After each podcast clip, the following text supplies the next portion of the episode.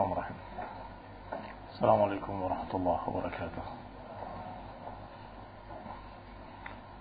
إن الحمد لله نحمده ونستعينه ونستغفره ونعوذ بالله من شرور أنفسنا ومن سيئات أعمالنا. من يهده الله فلا مضل له ومن يضلل فلا هادي له وأشهد أن لا إله إلا الله وحده لا شريك له وأشهد أن محمدا عبده ورسوله صلى الله عليه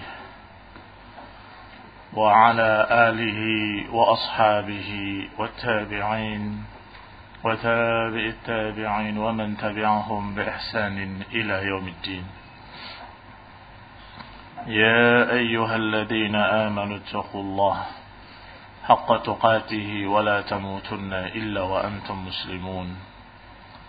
يا أيها الناس اتقوا ربكم الذي خلقكم من نفس واحدة وخلق منها زوجها وبث منهما رجالا كثيرا ونساء واتقوا الله الذي تساءلون به والأرحام. إن الله كان عليكم رقيبا. يا أيها الذين آمنوا اتقوا الله وقولوا قولا سديدا. يصلح لكم أعمالكم ويغفر لكم ذنوبكم. ومن يطع الله ورسوله فقد فاز فوزا عظيما. أما بعد فإن خير الحديث كتاب الله وخير الهدي هدي محمد صلى الله عليه وعلى آله وسلم. وشر الأمور محدثاتها فإن كل محدثة بدعة وكل بدعة ضلالة وكل ضلالة في النار. إخواني في الدين أعزكم الله. كم مسلمين يا سيحر المتي كيدا قم مباشا صديق الكتاب لم الدر المنثور من القول المأثور في الاعتقاد والسنة يعني تولي استنسسن لجمال بن فريحان الحارثي جزاه الله خيرا ونفع الله بعلمه اليوم من seperti kaidahnya para ulama terdahulu. Hanya menukil ucapan-ucapan dalil-dalil. Menukil dari Quran dari hadis dari aqwalul ulama. Sesuai dengan judulnya lamudur. Mutiara-mutiara yang tersusun. Ini ucapan-ucapan yang bagus. Ucapan yang berkilau seperti mutiara. Dari aqwalul ulama dan juga tentunya yang lebih indah lagi yang lebih berkilau lagi adalah ucapan Rasulullah sallallahu alaihi wa ala alihi wasallam yang selalu penulis mendahulukannya. Kita baca sedikit dalam satu pasal atau dua pasal insyaallah.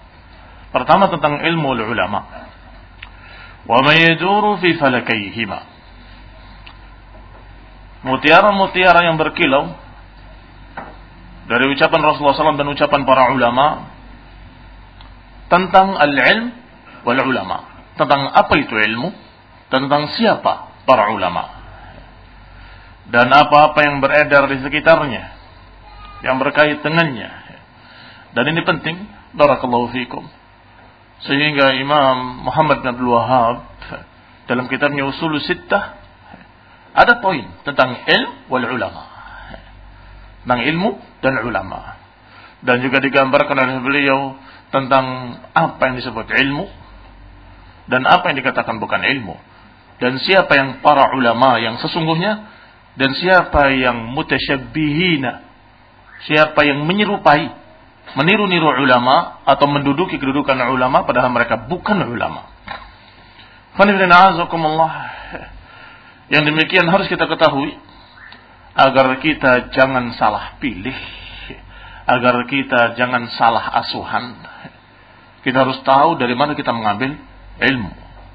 Sebagaimana ucapan yang sering kita dengar. dari Nusirin rahimahullah, "Inna hadzal ilm dinun, fanzur amman ta'khuduna dinakum." Sesungguhnya agama ini, sesungguhnya ilmu ini adalah agama itu sendiri. Maka lihatlah dari siapa kalian mengambil ilmu agama, agama kalian. Artinya kita harus tahu manhumul ulama, siapa para ulama. Dinukil awal pertama oleh penyusun ucapan Rasulullah sallallahu alaihi wa ala alihi wasallam dalam hadis sahih yang dikeluarkan oleh Imam Bukhari. Idza wusida al-amr ila ghairi ahlihi fantadhir as-sa'ah. Dinukil ucapan Rasulullah SAW.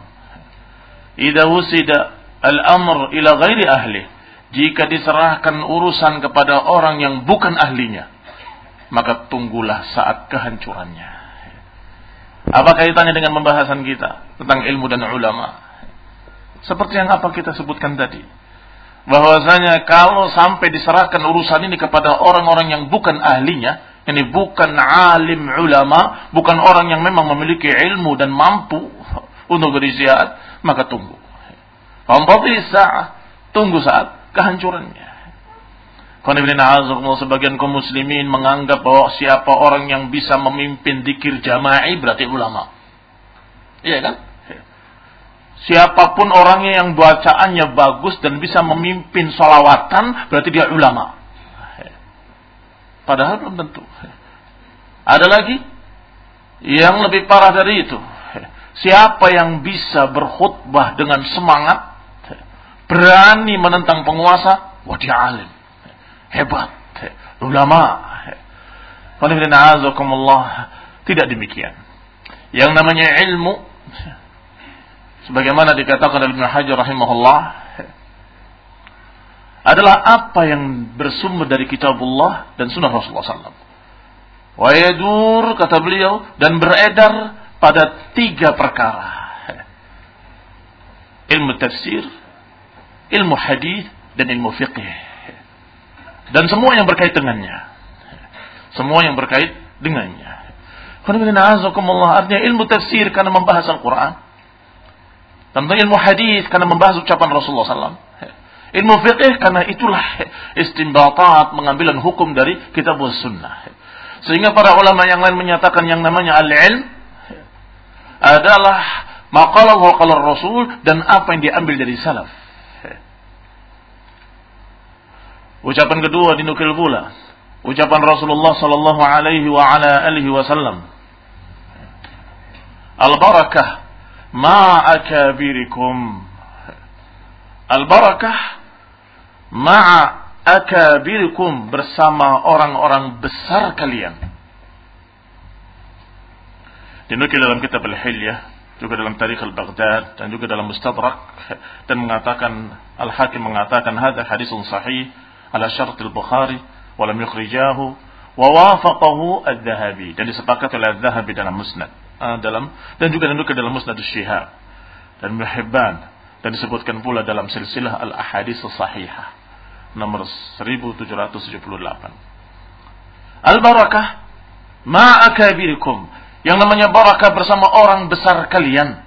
Manhum al-akabir al-ulama Al-akabir, ini akabir fil sin. Wa akabir fil ilm. Yang besar ilmunya dan besar pula umurnya. Sehingga dipakai oleh para ulama kadang-kadang berdalil dengan kalimat al-barakah ma'akabirikum. Ini dengan orang tua kalian. Ini umur. Kadang-kadang dipakai pula tentang ulama. Al-barakah ma'akabirikum. Ini ma'ulama. Ma'ulamaikum. Bersama ulama kalian. Karena memang al-akabir tidak dikatakan akabir kalau tidak ada ilmunya. Walaupun tua. Maka yang dikatakan akabir, kabir fil sin wa kabir bil ilm. Dua-duanya. Sebagaimana diucapkan oleh Umar bin Khattab radhiyallahu taala anhu. Kata Umar bin Khattab, "Qad alimtu, sungguh aku tahu. Mata salahun nas wa mata fasaduhum." Aku tahu kapan baiknya manusia dan kapan rusaknya mereka. Idza jaa al-fiqh min qibal as-saghir ista'sa 'alayhi al-kabir. Wa idza jaa al-fiqh min qibal al-kabir tabi'ahu as-saghir fahtadayna fahtadaya. Kata beliau, aku tahu kapan baiknya manusia dan kapan rusaknya. Yaitu jika datang fiqh, ilmu fiqh dari orang-orang kecil, ista'sa alaihi kabir akan ditentang oleh orang-orang yang lebih tua. Kalau datangnya dari anak-anak muda, akan ditentang oleh orang tua. Kamu anak kemarin, jenggot saja baru 13. Kamu demikian, bau kencur dan sebagainya. Tetapi tidak ja'al fiqh min qibalil kabir. Tapi kalau datang fikih dari mereka, orang yang sepuh, yang memang alim dan juga memiliki pengalaman yang banyak. Taba'u saghir akan diikuti oleh orang yang kecil-kecil. Fahtadaya, maka mereka semua mendapatkan hidayah. Yang dewasa ataupun yang muda-muda yang sepuh ataupun yang masih muda. Demikian dikatakan oleh Umar bin Khattab radhiyallahu taala anhu, "Qad 'alimtu mata salahun nas wa mata fasaduhum." Aku tahu kapan baiknya manusia dan kapan rusaknya. Kalau ilmu datang dari anak-anak muda, orang-orang tuanya menentang, maka terjadilah kerusakan. Tetapi kalau datang dari orang-orang tua, maka yang muda-muda ikut. Maka ini adalah kebaikan. Fahtadaya masih ada ucapan lain. Mutiara dari Abdullah bin Mas'ud radhiyallahu taala anhu, la yazalun nas bi khairin ما أتاهم أو ما أخذوا العلم من قبل أكابرهم. فإذا أتاهم أو أخذوا عنه أو من قبل أصغرهم وشرارهم هلكوا وشبه ابن مسعود رضي الله تعالى عنه. إن لكن دلما الزهد ذكر ابن مبارك رحمه الله dan lain-lainnya. Menyebutkan bahwa manusia akan tetap dalam keadaan baik. Ma'akhadul ilm min qibali akabirihim. Selama mereka mengambil ilmu dari orang-orang besarnya. Fa'idha atahum. Atau akhadu an min qibali asagirihim dari orang-orang kecilnya wa syirarihim halaku. Kaum muslim yang saya hormati. Perhatikan ucapan beliau.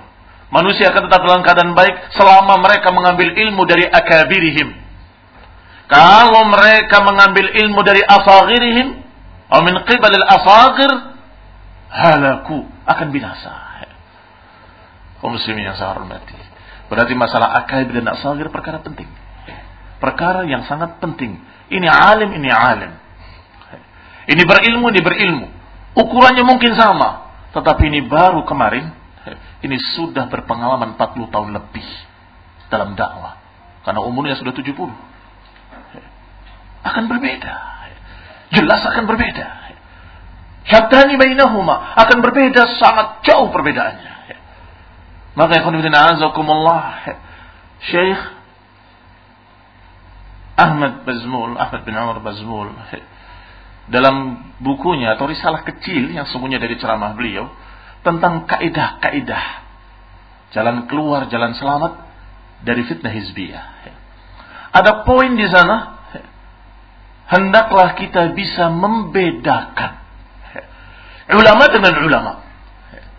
Walaupun ini alim, ini alim, tapi kita harus tahu bahwa di antara mereka ada yang menggeluti lebih lama dan lebih tahu dalam-dalamnya dan lebih berpengalaman di dalamnya dan ada yang tidak.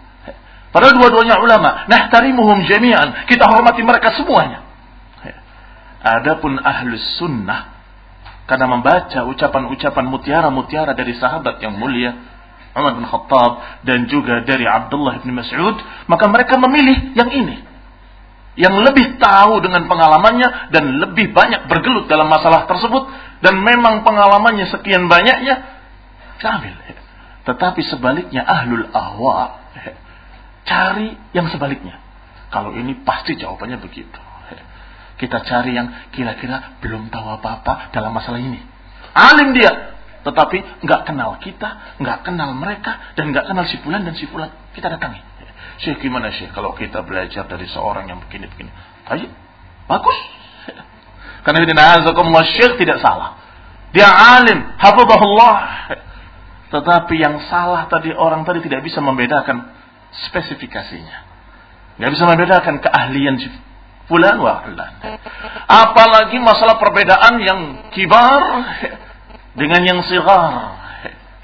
Walaupun berilmu, walaupun berilmu. Kembali kepada kita. Qala Abdullah bin Umar radhiyallahu taala anhuma. Husnul su'al nisful ilm. Baiknya pertanyaan itu sudah setengah ilmu. Bagusnya pertanyaan itu sudah setengah, ilmu. Husnul su'al nisful ilm. Azakumullah dia benar bertanyanya dengan bahasa yang benar, dengan bahasa yang sopan, dengan bahasa yang menunjukkan kalau dia butuh ilmu dari syekhnya, dari gurunya, dari ulamanya, itu sudah setengah ilmu.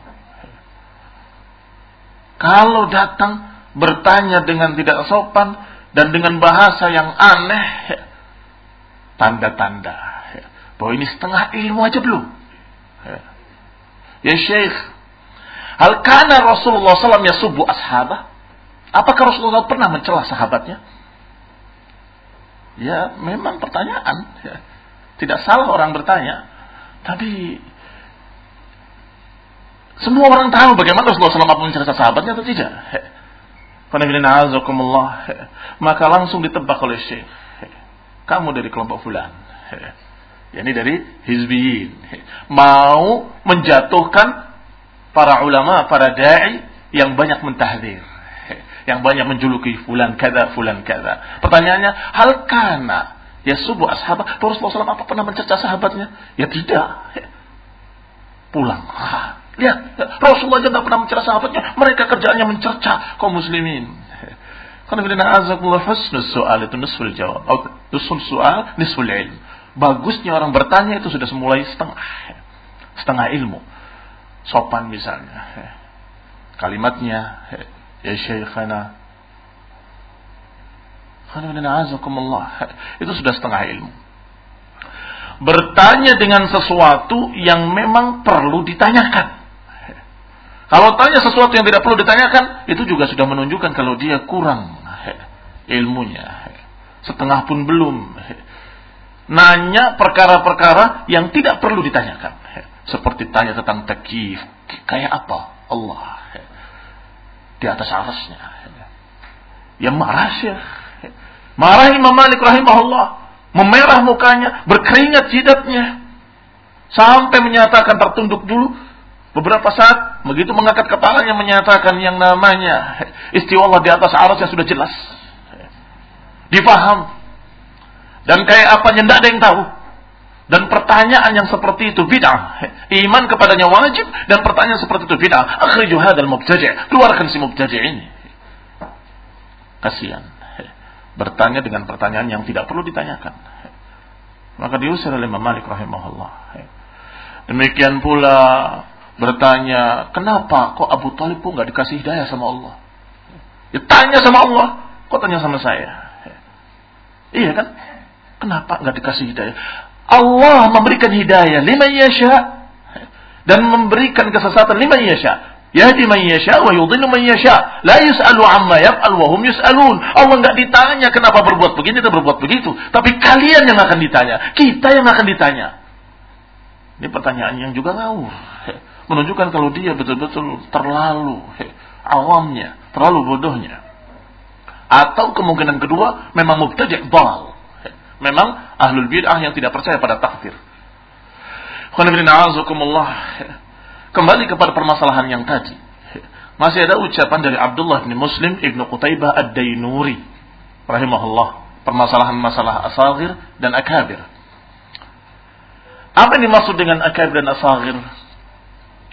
Qala ibnu Qutaibah ad-Dainuri yuridu la yazalu an-nas bi khairin ma kana ulama'uhumul masyayikh yang dimaukan oleh Ibn Mas'ud yang tadi kita baca adalah manusia akan tetap baik selama ulama mereka adalah syuyuh, masyayikh, selama ulama mereka adalah orang-orang tua.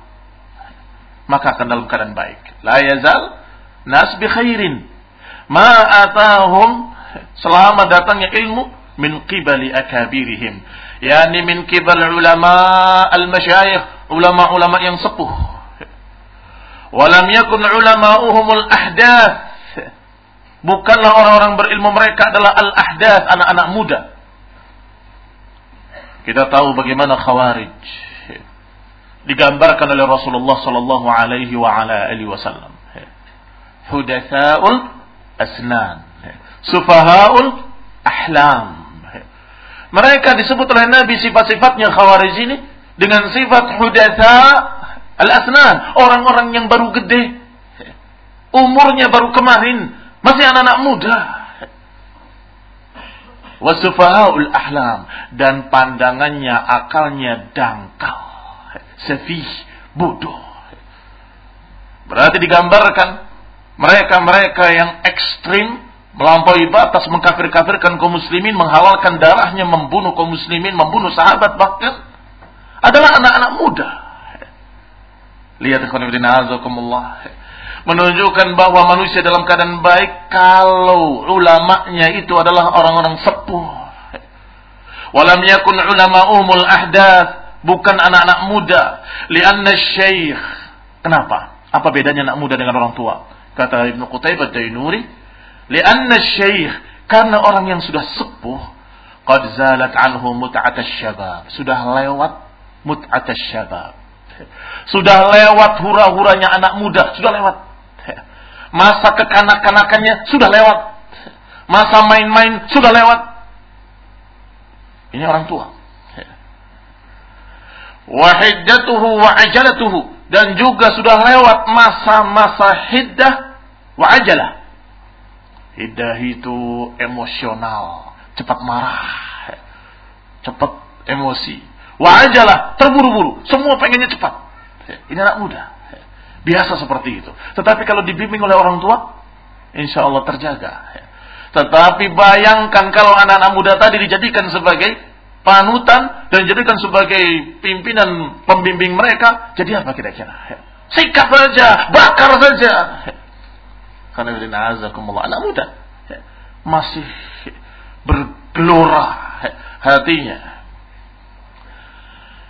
Dan juga kalau sudah tua, sudah sepuh, qad anhu safahu.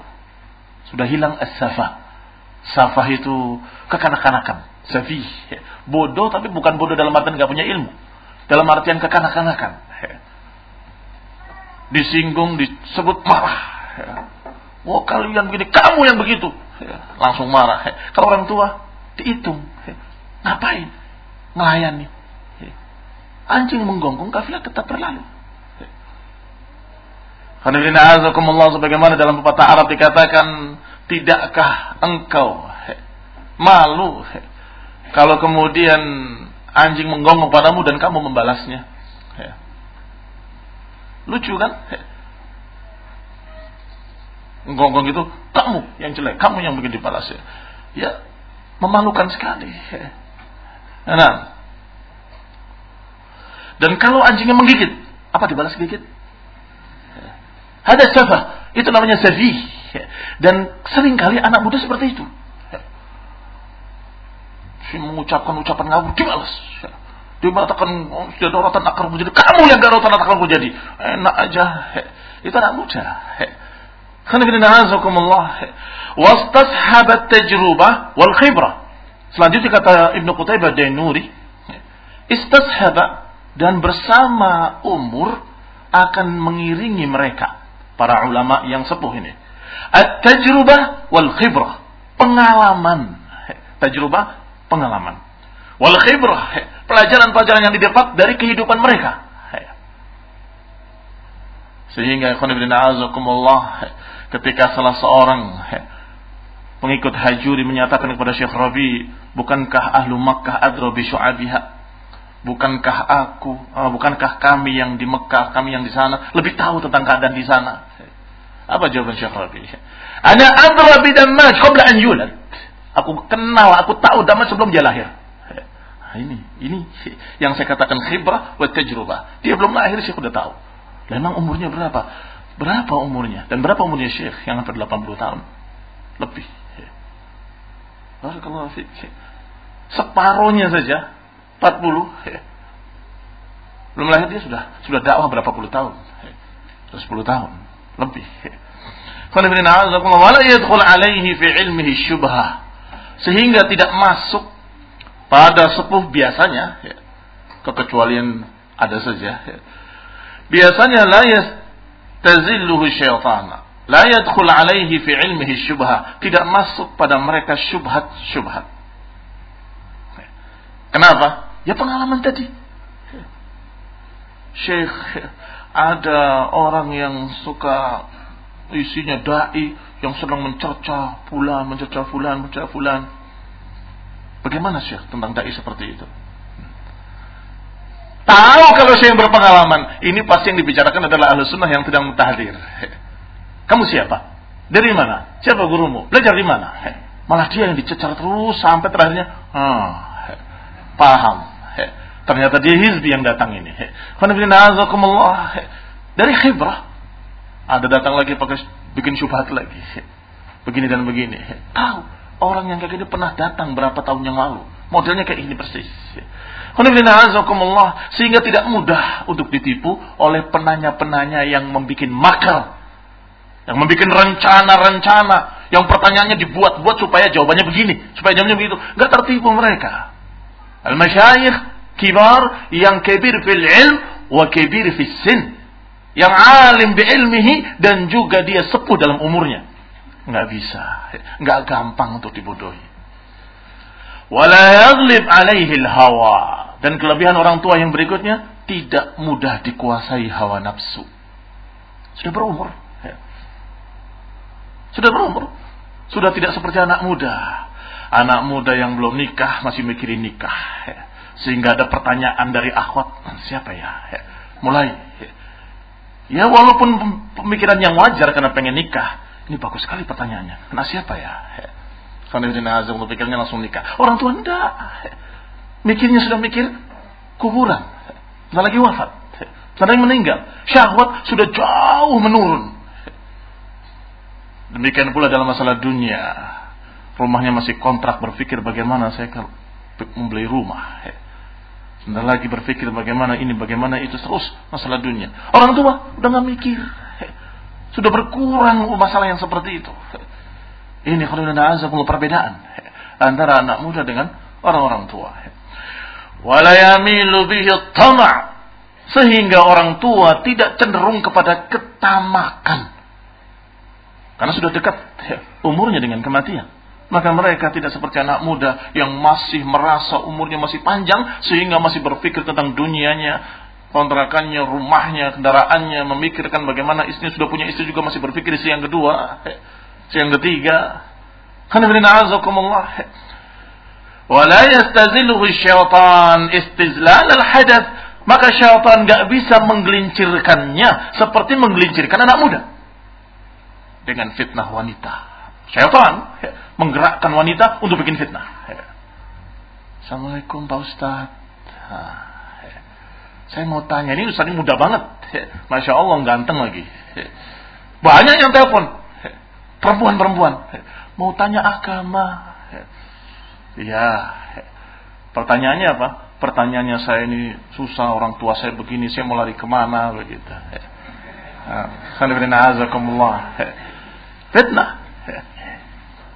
Terakhir, Ustaz istrinya sudah berapa? Ini fitnah. Tapi kepada orang tua. Apa syaitan ya, menggunakan perempuan untuk menggoda mereka? Hampir-hampir tidak. Perempuannya nggak mau. Alah ngapain telepon orang tua? Ngapain? Sudah keriput, sudah begini, sudah begitu. La yastaziluhu syaitan istizlal al-hadath. Enggak bisa ditipu, ditegelincirkan oleh syaitan seperti digelincirkannya anak muda. Kadang-kadang dengan wanita, kadang-kadang dengan harta, kadang-kadang dengan berbagai macam urusan-urusan. Dengan ambisinya, dengan semangat kedudukannya. Tetapi orang tua biasanya sudah hilang. Sudah berkurang. Syahwatnya terhadap wanita sudah berkurang syahwatnya terhadap dunia sudah berkurang. Ditambah lagi, wa ma'asin al-waqar. Bersama umur ada kewibawaan. Bersama umur ada kewibawaan. Orang tua berbicara. Ya. Itu sebagian besar ikhwan-ikhwan kita terkagum-kagum dan mengatakan kapan beliau datang lagi. Ya. Begitu datang masyaih yang lebih muda jauh, bertanya, kenapa yang kemarin gak diundang? Saya tersenyum dan saya katakan, ini yang muda ini lebih alim daripada yang tua kemarin. Masa? Wallah, itu muridnya. Ini hampir nggak percaya mereka. Kenapa? Karena melihat berwibawanya orang tua tadi. Sudah putih semua jenggotnya. Berbicara dengan Masya Allah. Berwibawa. Ma'asin bersama umur. Ada waqar. Ada ketenangan. Ada jalalah. Ada kemuliaan. Ada haibah. Ada kewibawaan. Ini bersama umur. Adapun anak muda. Berbicara pengajian satu jam. Ada pertanyaan. Semuanya angkat tangan. Karena orang tua semua dan gak percaya semua. Apa iya ini anak punya ilmu? Pertanyaan semua ngetes. Bukan bukan tidak tahu, ngetes. Kalau begini begini apa hukumnya? Yang satu kalau gini semuanya bertanya ingin ngetes ini anak. Bayangkan ikhwan dan alhamdulillah dia bisa jawab. Tapi ini menunjukkan kalau memang anak muda itu biasanya kurang berwibawa. Ya bukan salah dianya, Sesungguhnya kesalahannya hanya dia masih punya banyak kesempatan belajar. Kenapa nggak belajar? Iya kan kalau masih muda, masih banyak kesempatan dia untuk belajar, belajar, belajar, belajar, belajar. Sampai ketika terpaksa harus menyampaikan, baru menyampaikan. Man istajala qabla awanih, uqiba bihirmanih. Siapa yang terburu-buru sebelum waktunya, maka akibatnya terhalang dari apa yang diniatkannya.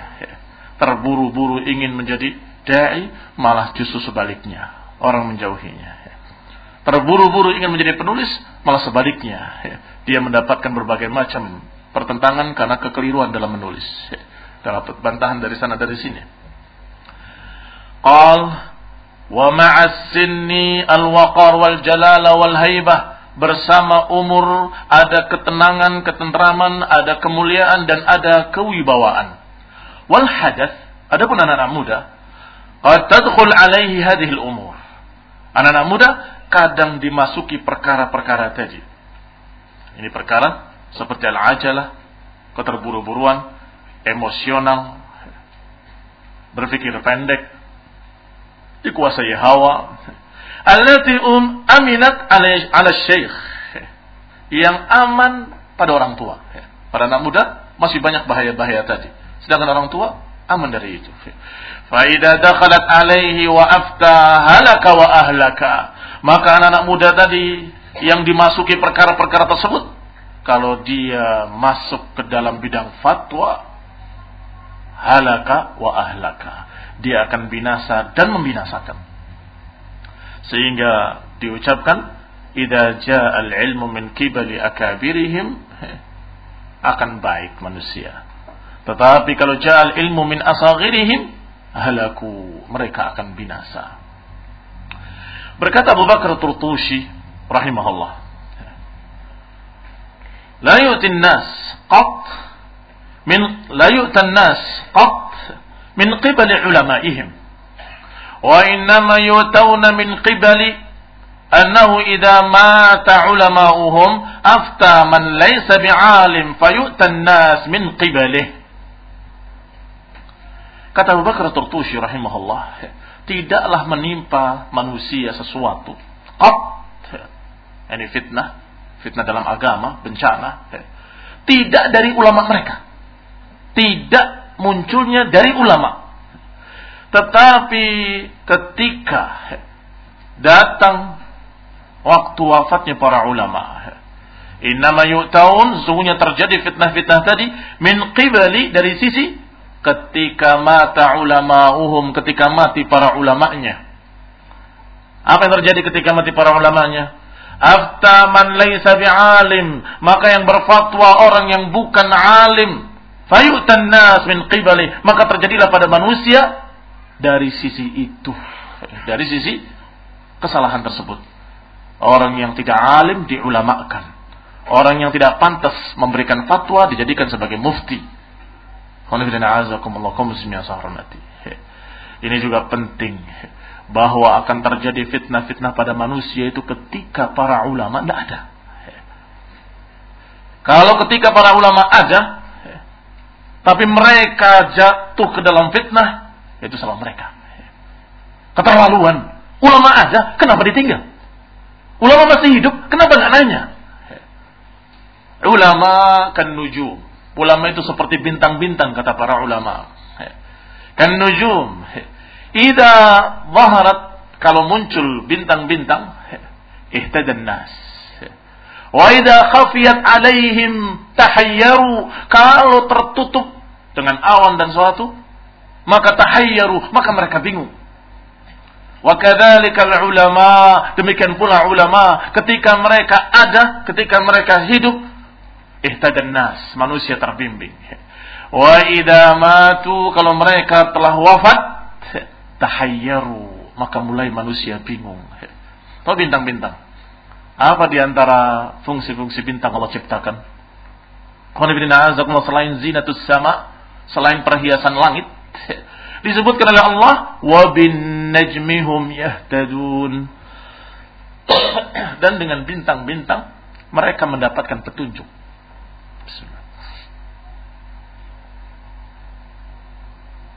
Ya, ini petunjuk arah. Ini bintang ini menunjukkan barat, ini menunjukkan ini menunjukkan timur, bintang ini menunjukkan utara, ini menunjukkan selatan. Sehingga mereka yang di lautan atau di padang pasir atau di hutan, ketika mereka tersesat mereka bisa melihat. Arah ke mana, barat ke mana, timur ke mana, utara ke mana, selatan. Dengan itu mereka dadau terbimbing. Tetapi ida khafiyat kalau tertutup bintang-bintang tadi dengan awan, yang gelap, tahayyaru, mereka bingung. Mau ke mana kita? Bingung. Wa kadzalika ulama demikian pula ulama kalau mereka ada, mereka masih hidup, ihtadan nas, manusia terbimbing. Mana yang jalan yang benar? Tanya para ulama. Oh ke sana. Selesai. Wa idza mata ulama kalau wafat mereka para ulama tahayyaru, maka bingunglah manusia gelisah. Saat itulah ketika mereka mengambil sembarang manusia, sembarang orang dijadikan sebagai ulama, ittakhadhu ru'usan juhalan, mengambil tokoh-tokoh orang bodoh sebagai ulama, kemudian mereka meminta fatwa, Fa'aftau bighairi ilmin. Akhirnya mereka memberikan fatwa tanpa ilmu. Fadallu wa adallu. Akhirnya mereka sesat dan menyesatkan. Sehingga kapan yu'tan nas? Kapan menimpa manusia? kejelekan, fitnah dan sebagainya bukan dari ulamanya. Tetapi ketika ada yang bukan ulama kemudian diulamakan, itu yang menyebabkan fitnah.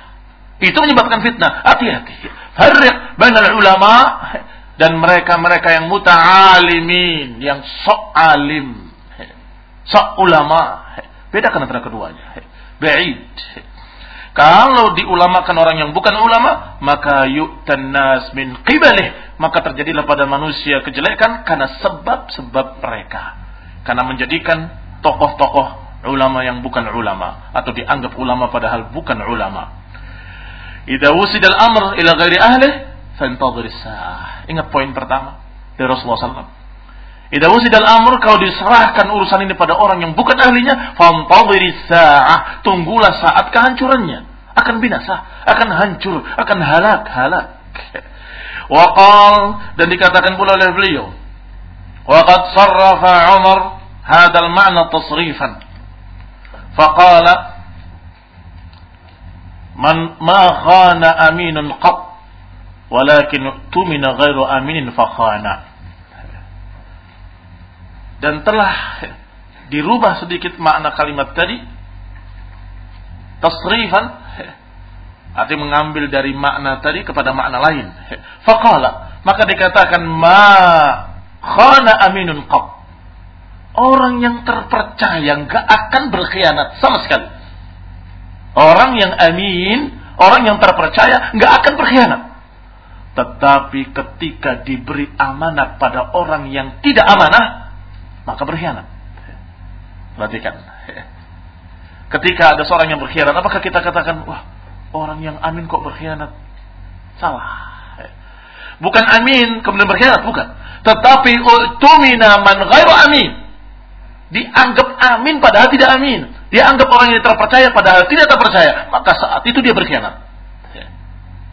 Paham? Berarti ikhwan ibn yang salah siapa? Yang memilihnya yang salah. Orang gak amin dianggap amanah. Orang tidak amanah dianggap amanah. Kemudian dikhianati. Ya itulah salahnya. Kenapa? Dia tidak amin. Kenapa diberi amanah? Loh tapi dia itu orangnya begini, orangnya begitu dan sebagainya. Tapi ahli bid'ah, iya walaupun ahli bid'ah, tapi dia baik, jujur segala macam. Ahli bid'ah, dia tidak amanah pada kitab Allah, tidak amanah pada sunnah Rasulullah. Bagaimana mungkin amanah kepadamu? Pada ayat Al-Quran mereka tidak amanah, berani memutarbalikannya. Pada hadis-hadis Rasul mereka tidak amanah, mereka berani memutarbalikannya. Apalagi pada ucapanmu, Allah yahdina wa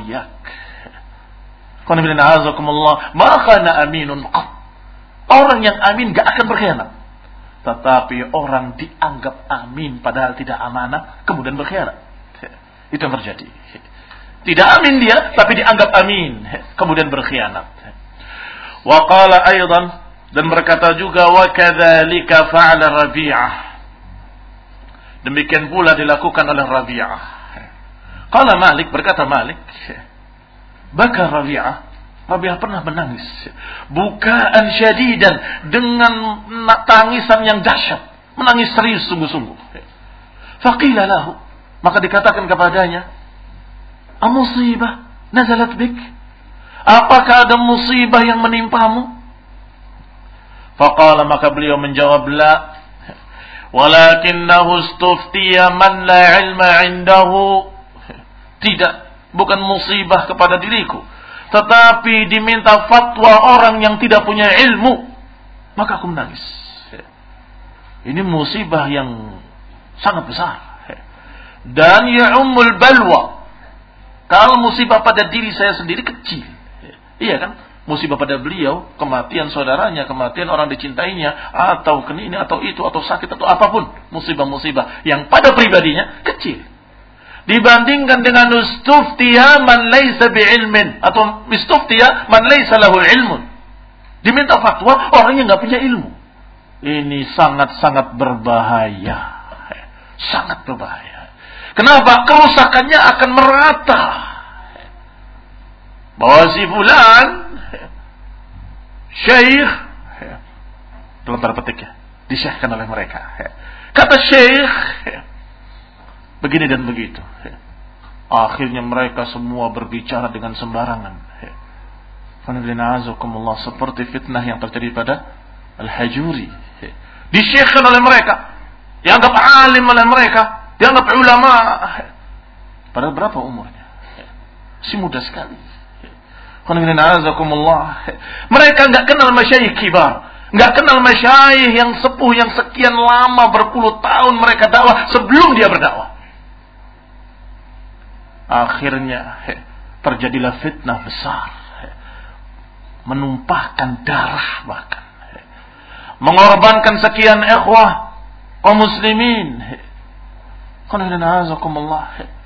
ini menunjukkan fitnah yang besar apa sebabnya Uftiftiya man laisa bi'alim laisa bimufti.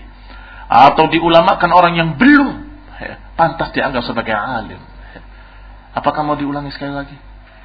Mencari orang-orang baru, syekh-syekh baru, yang kita nggak tahu keadaannya, bagaimana pengalamannya, bagaimana ininya, baga nggak tahu sama sekali, nol. Khawatir. Jangan sampai terjadi apa yang sudah pernah terjadi. Pada sekian banyak tokoh-tokoh yang jadikan panutan manusia yang ternyata tumbang menyimpang.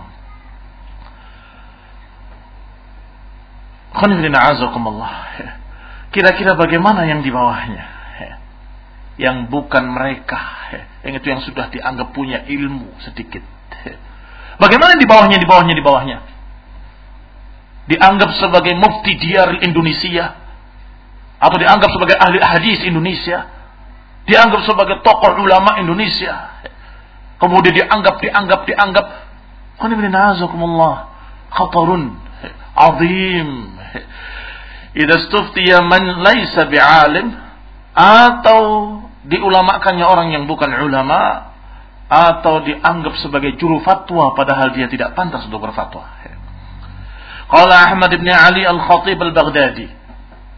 Berkata Ahmad bin Ali Al-Khatib Al-Baghdadi rahimahullah, "Wala budda lil mutafaqqih min ustadin yadrus alaih." Semestinya seorang yang mutafaqqih, yang belajar fikih harus punya guru. Harus punya ustaz yang yadrus alaih, yang dia belajar daripadanya. Wa yarji' fi tafsir ma ashkala alaih, yang dia merujuk kepada gurunya kalau ada yang rumit, ada yang nggak paham dalam masalah tafsir. Wa yata'arraf minhu turaqal ijtihad dan mempelajari dari mereka cara-cara beristihad Bagaimana langkah-langkah beristihad? Wa ma yufarriq bihi baina sahha wal fasad dan bertanya pula bagaimana membedakan antara yang sahih dengan yang rusak. Yang sahih dengan yang dhaif. Qanifrin a'azakumullah, la budda min ustad. Harus punya guru. Harus punya panutan, punya rujukan para ulama. Sehingga ketika kita membaca, ketika kita mempelajari ada sesuatu yang ashkala alaih, ada yang ashkala alaina, ada yang menyulitkan kita pada maknanya atau pada tafsirnya, kita bisa tanya. Karena kita punya guru, punya pembimbing, punya ulama, punya mereka-mereka yang bisa membimbing dengan ilmu mereka. Tanya bagaimana cara mengistimbat hukum. Tanya bagaimana bisa membedakan yang sahih dengan yang baik. Qala Ahmad bin Hamdal rahimahullah. Berkata Imam Ahmad rahimahullah, "Innama yahya an-nas bil masyayikh." Wa idza dhahaba al-masyayikh famadha baqiya?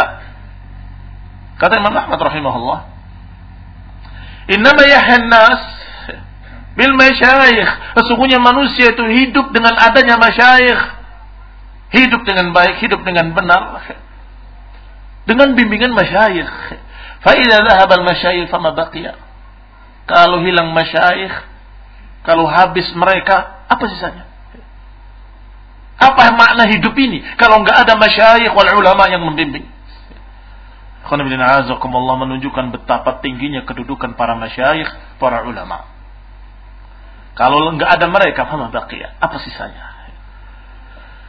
Maka sungguh keterlaluan mereka-mereka yang tahu ada para ulama. Tahu masih tersisa, Alhamdulillah Wabihi wa ni'mah.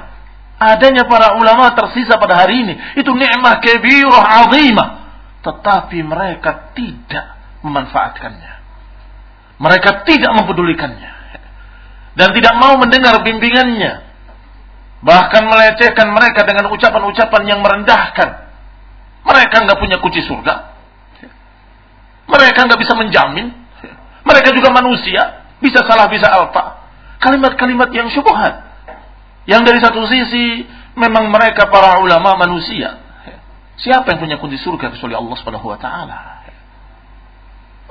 Tetapi makna ucapan itu artinya jangan dengarkan mereka. Jangan ambil nasihat mereka, jangan ambil fatwa mereka. ini keterlaluan. Ini orang-orang yang keterlaluan.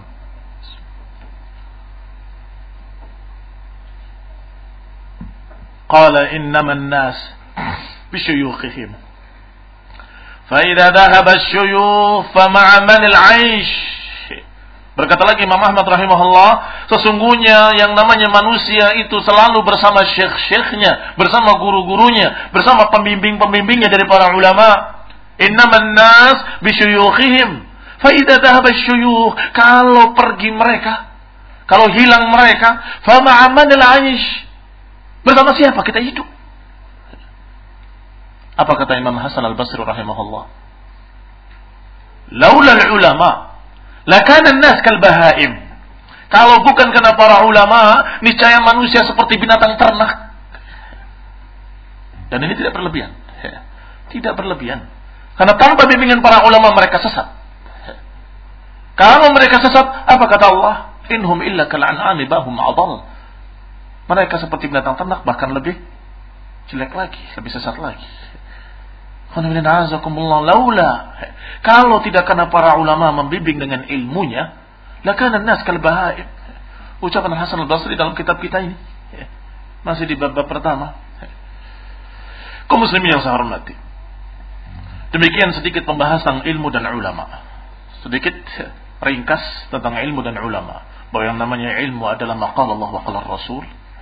Yang namanya ilmu adalah apa yang bersumber dari Allah dan Rasulnya dengan apa yang dipahami oleh para salafus saleh.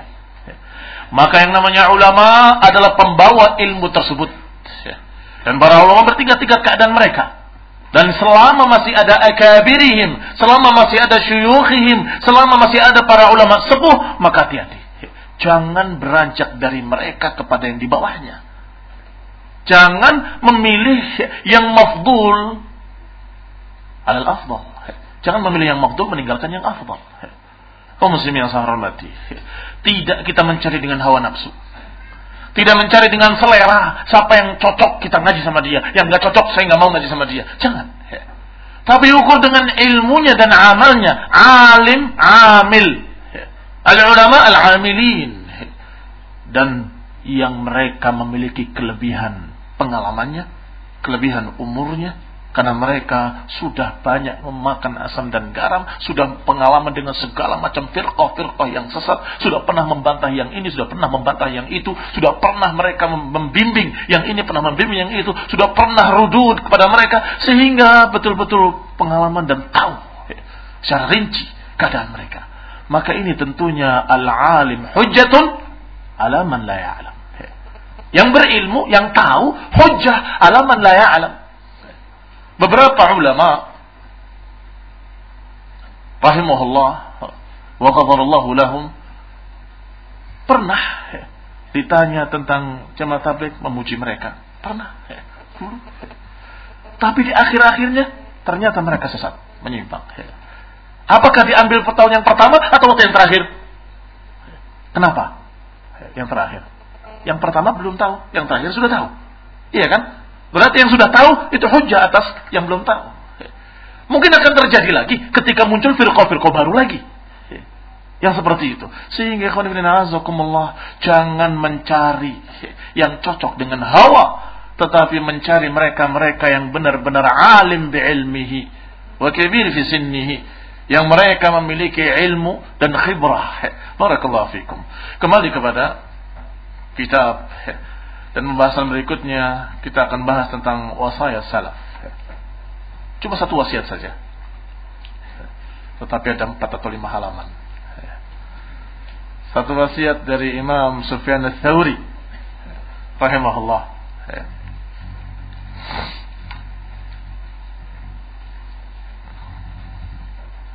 Sufyan Ibn Sa'id Ibn Masruq Al-Thawri yang lahir tahun 90 sekian di Kufah dan meninggal di Basrah. Alim muhaddith, ma'ruf bi'ilmihi wa ma'ruf bi zuhdihi. Waraknya, zuhudnya sangat terkenal. Rahimahullah. Dia memberikan nasihat. Tentunya yang namanya nasihat dan wasiat ringkas ya. Tidak rinci dengan dalil-dalilnya, tapi sudah ya, bisa dipaham karena perkara-perkara nasihat adalah perkara-perkara yang zahir, yang sangat jelas, yang sangat kita ketahui. Hanya saja an-nasihah bagi orang-orang mukmin akan bermanfaat. Fadzakir fa inna dzikra tanfa'ul mu'minin. Qala rahimahullah ketika beliau memberikan wasiat kepada Ali ibn Hasan As-Sulami. Kata beliau, "Alaika bis-sidqi fil mawatin kulliha." Atas engkau untuk jujur dalam segala tempat, dalam segala keadaan. Wa iyyaka wal kadzib wal khiyanah wa mujalasat ashabiha dan hati-hati engkau dari kedustaan, dari pengkhianatan dan dari bermajlis dengan orang-orangnya, ahli khianah dan ahli kadzib. Hati-hati dari kedustaan dan khianat dan juga berhati-hati jangan bermajlis dengan ahli kedib wa ahlul khianah. Fa innaha wizrun kulluh karena itu semua merupakan dosa Semuanya. Kejujuran. Ini sangat-sangat penting. Bahkan itu harusnya menjadi tanda yang paling istimewa pada ahli sunnah. Kenapa? Karena mukmin la yakzib. Al mukmin la yakzib. Seorang mukmin gak akan berdusta. Apa maknanya? Berkait erat dengan keimanan. Seorang mukmin gak akan berdusta. Jangan gampang-gampang berdusta dalam masalah yang sekecil apa pun. Sebab yang kecil ketika kita mengentengkan, menggampangkan, mulai berani pada yang berikutnya, berani pada yang berikutnya, berani pada yang berikutnya. Enggak ada yang dikecualikan kecuali berdusta kepada istri dalam perkara yang baik buat mereka atau mendamaikan dua orang yang bertikai. Enam. Dan lainnya. Wa iyyaka ya akhi warriya Nasihat kedua, setelah nasihat pertama kejujuran dan hindari kedustaan. Amanah dan jangan khianat. Yang kedua ya akhi, iyyaka warriya fil qawli wal amal. Hati-hati engkau dari riya. Ingin dilihat, ingin dipuji. Dalam ucapan maupun dalam pengamalan. Fa innahu syirkun bi'ainih. Karena yang namanya riya, syirik murni Intinya, kesyirikan adalah ria, yaitu beribadah untuk selain Allah SWT.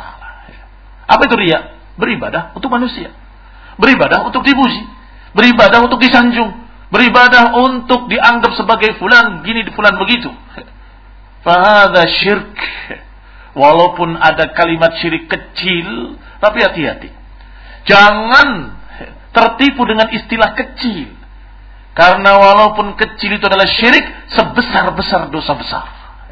Sebesar-besar dosa besar. Sudah kita sampaikan kemarin. Bahwa kadang perbedaan yang dalam hati akan menyebabkan perpecahan di tengah-tengah kaum muslimin. Di tengah-tengah ahli sunnah bahkan. Yang ini niatnya betul-betul murni karena Allah. Yang ini niatnya lain. Ingin banyak-banyakan pengikut ingin diangkat sebagai tokoh, ingin diangkat sebagai alim mufti, pada prakteknya nanti akan terjadi benturan-benturan. Walaupun itu dalam hati gak terlihat. Tapi kenyataannya dalam prakteknya nanti sekian masalah yang harusnya disampaikan nggak disampaikan. Yang ikhlas tadi menegur, kenapa nggak disampaikan? Ini penting. Ya nanti aja kita anu-anu sekian juta macam alasan. Ternyata intinya adalah karena takut lari pengikutnya. Sebab dia tujuannya pengen memiliki pengikut yang banyak. Pengen pertemanan yang banyak di Facebook. Apa jadinya kira-kira? Ini dikebiri. Ini dikebiri. Ini dikurangi. Ini dikurangi. Maka ujung-ujungnya terjadi perpecahan bentrok dan sebagainya. Wajar. Kenapa? Karena niatnya berbeda. Kalau niatnya sudah berbeda, pasti ujung-ujungnya berbeda. Pasti akan terjadi pertentangan, pertikaian dan seterusnya. Kembali pada kita. Iyaka ya akhi waria. Hati-hati engkau dari ria. Dalam masalah ucapan dan perbuatan. Fa innahu syirkun bi'ainih. Dan termasuk yang mirip juga dengan ria adalah al-ujub. Bangga diri. Wa iyyaka wal-ujub kata beliau. Hati-hati engkau dari al-ujub fa innal amal salih la yurfa wa fihi ujub. Hati-hati, jangan sampai masuk dalam hati kita bangga diri. Karena sungguhnya amalan saleh nggak akan diangkat kalau diiringi ujub. La yurfa nggak akan diangkat sisi Allah Subhanahu wa taala nggak akan diterima kalau diiringi ujub. Bangga diri. Wala ta'khudanna dinaka illa mimman huwa mushfiqun ala dinihi. Nasihat ketiga dari beliau adalah jangan sekali-kali engkau mengambil ilmu agamamu dari orang yang tidak menyayangi agamanya sendiri. Mimman huwa illa mimman huwa musyfiqun ala dini. Maka jangan mengambil kecuali dari mereka-mereka yang menyayangi agamanya sendiri. Fa inna mathalul ladzi huwa ghairu musyfiq ala dini kama salit tabibin bihi da. Karena seorang yang tidak sayang pada agamanya sendiri perumpamaannya seperti seorang dokter yang memiliki penyakit Apalagi penyakit yang menular lagi. Orang yang diobatinya ketakutan. Waduh, dokternya sakit, menular lagi. La yastati an yu'alij da'a nafsih. Dokter ini nggak bisa menyembuhkan penyakit yang ada pada dirinya. Wa yansah li nafsih. Nggak bisa menasehati dirinya sendiri. Kaifa yu'alij da'an nas wa. Maka bagaimana mungkin dia akan mengobati orang lain. Bagaimana mungkin dia akan bisa menasehati orang lain. Ya, Ikhwan Ibn Azakumullah nasihat yang bagus, yang betul-betul dur mutiara. Durul Mansur, mutiara-mutiara yang keluar dari mulut beliau sebagai wasiat dan nasihat. Jangan mengambil ilmu dari orang yang tidak sayang pada agamanya sendiri. Maka carilah ilmu hanya dari orang-orang yang menyayangi agamanya sendiri. Apa maknanya? Yang musyfiqun ala dinihi, yang memperhatikan agamanya sendiri. Artinya pada dirinya dia memperbaiki ibadahnya disesuaikan dengan sunnah, akhlaknya disesuaikan dengan sunnah, semangatnya disesuaikan dengan sunnah, dan berhati-hati dari perkara yang merusak. Berarti sayang dia sama agamanya. Orang yang sayang agamanya akan dilindungi, akan dijaga. Jangan sampai rusak, jangan sampai terobsesi atau jangan sampai terracuni uh, dengan berbagai macam racun-racun bid'ah atau syubhat. Ya. Bagaimana menjaganya? Hati-hati tidak duduk bersama ahlul bid'ah, tidak berjalan bersama mereka, tidak berdebat dengan mereka dan sebagainya. Ini menunjukkan kalau dia sangat sayang pada agamanya, sehingga dia tidak mau sembarangan duduk dengan ahlul balal, ahlul ahwa. Maka carilah ilmu dari mereka-mereka yang sayang pada dirinya dan agamanya, yang sayang pada agama dirinya. Dan jangan mengambil ilmu dari mereka-mereka yang tidak sayang pada agamanya sembarangan. Berarti dia tidak sayang sama agamanya sendiri. Sebentar duduk dengan hizbi, sebentar duduk dengan ahlul ahwa, sebentar duduk dengan ahlul balal, sebentar duduk dengan mereka, bercengkrama dengan politikus, kemudian berjalan bersama mereka. Berarti orang ini nggak sayang sama agamanya sendiri. Bagaimana mungkin dia akan sayang pada agama kita? Kalau dia nggak bisa menasehati dirinya sendiri, bagaimana mungkin dia akan menasehati kita? Perumpamaannya seperti dokter yang memiliki penyakit. Ya. Mau kamu berobat dari dia? Dok, saya sakit ini. Dilihat dokternya penyakit semua. Ya. Loh, ini gimana sih? Ya. Jangan-jangan saya malah ketularan. Ya. Tentunya kalau dia tidak bisa mengobati dirinya sendiri, bagaimana akan mengobati orang lain? Kalau tidak bisa menasehati dirinya sendiri, bagaimana akan menasehati orang lain? فهذا الذي لا يشفق على دينه كيف يشفق على دينك Berarti orang itu tidak sayang pada agamanya sendiri. Bagaimana mungkin dia akan sayang pada agamamu? Kalau nggak melindungi agamanya sendiri, bagaimana akan melindungi agamamu? Wa ya akhi, innama dinuka lahmuka wadamuk. Wahai saudaraku. Kata Imam Thawri rahimahullah. Sesungguhnya agamamu adalah darah dagingmu. Agamamu adalah darahmu, dagingmu.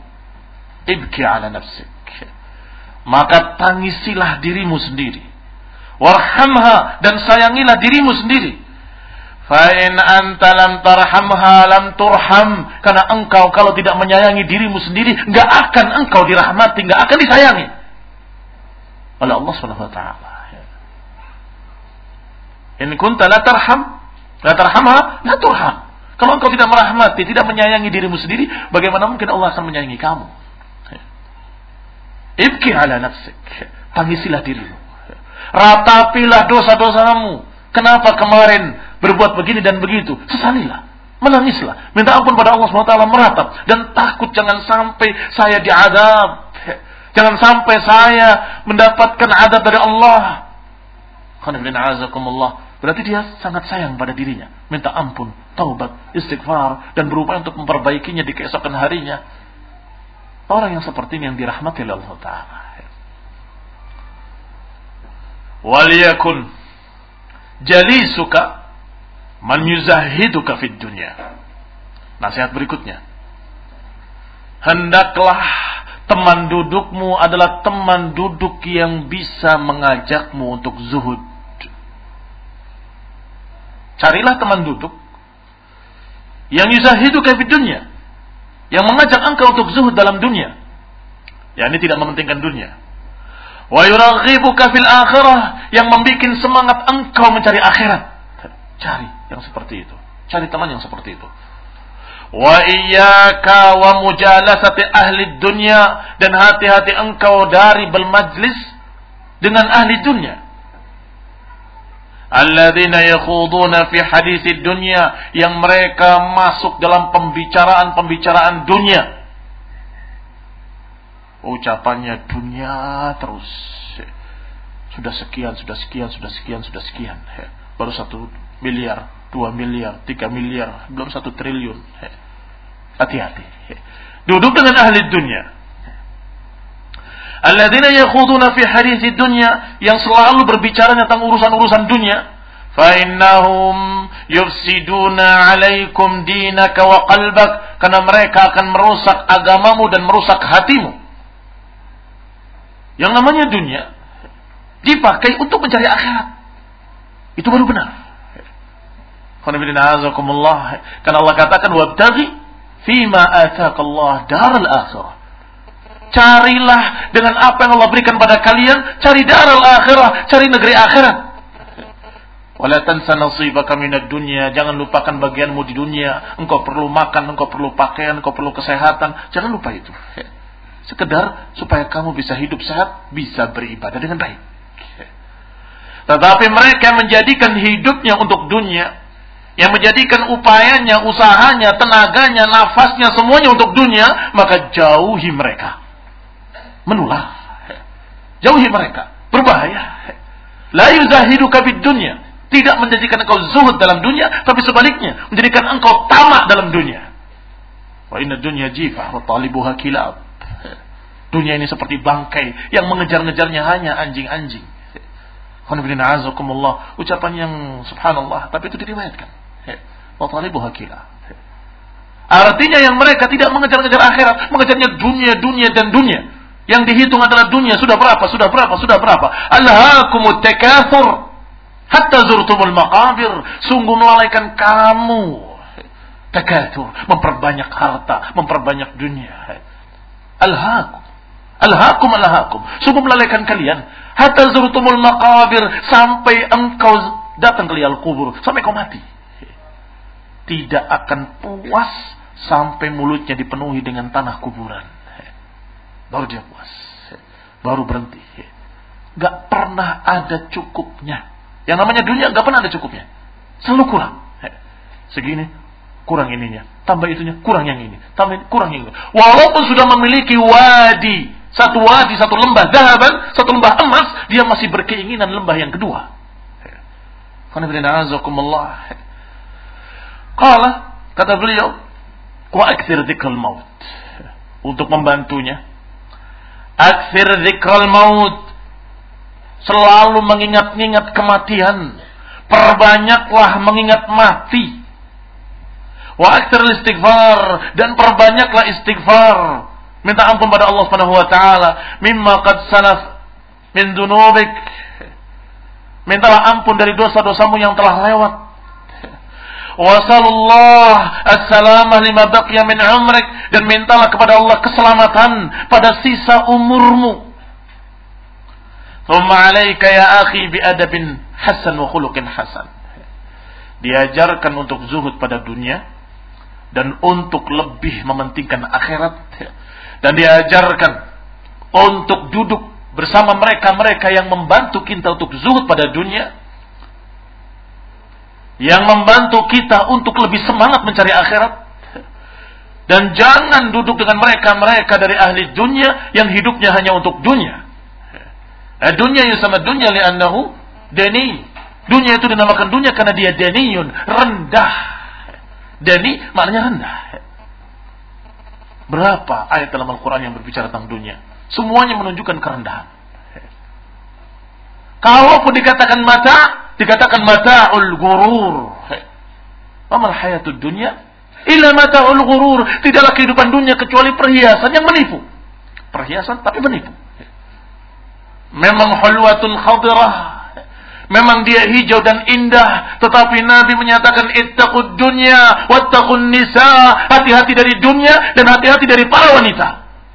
Termasuk fitnah dunia adalah wanita. Qanibina subhanallah. Selalu disebutkan dengan kalimat-kalimat yang seperti dalam Al-Quran. Dunia adalah mata'ul ghurur. Fata morgana. Yang dia orang haus melihatnya itu sepertinya air. Tapi ketika dekat, la yajidhu syai'a. Dia tidak mendapati apa pun. Dia semangat, semangat, semangat, tiba-tiba mati. Semangat cari dunia, semangat cari dunia, tiba-tiba mati, dia bengong. Tidak bisa dia kembali ke dunia lagi.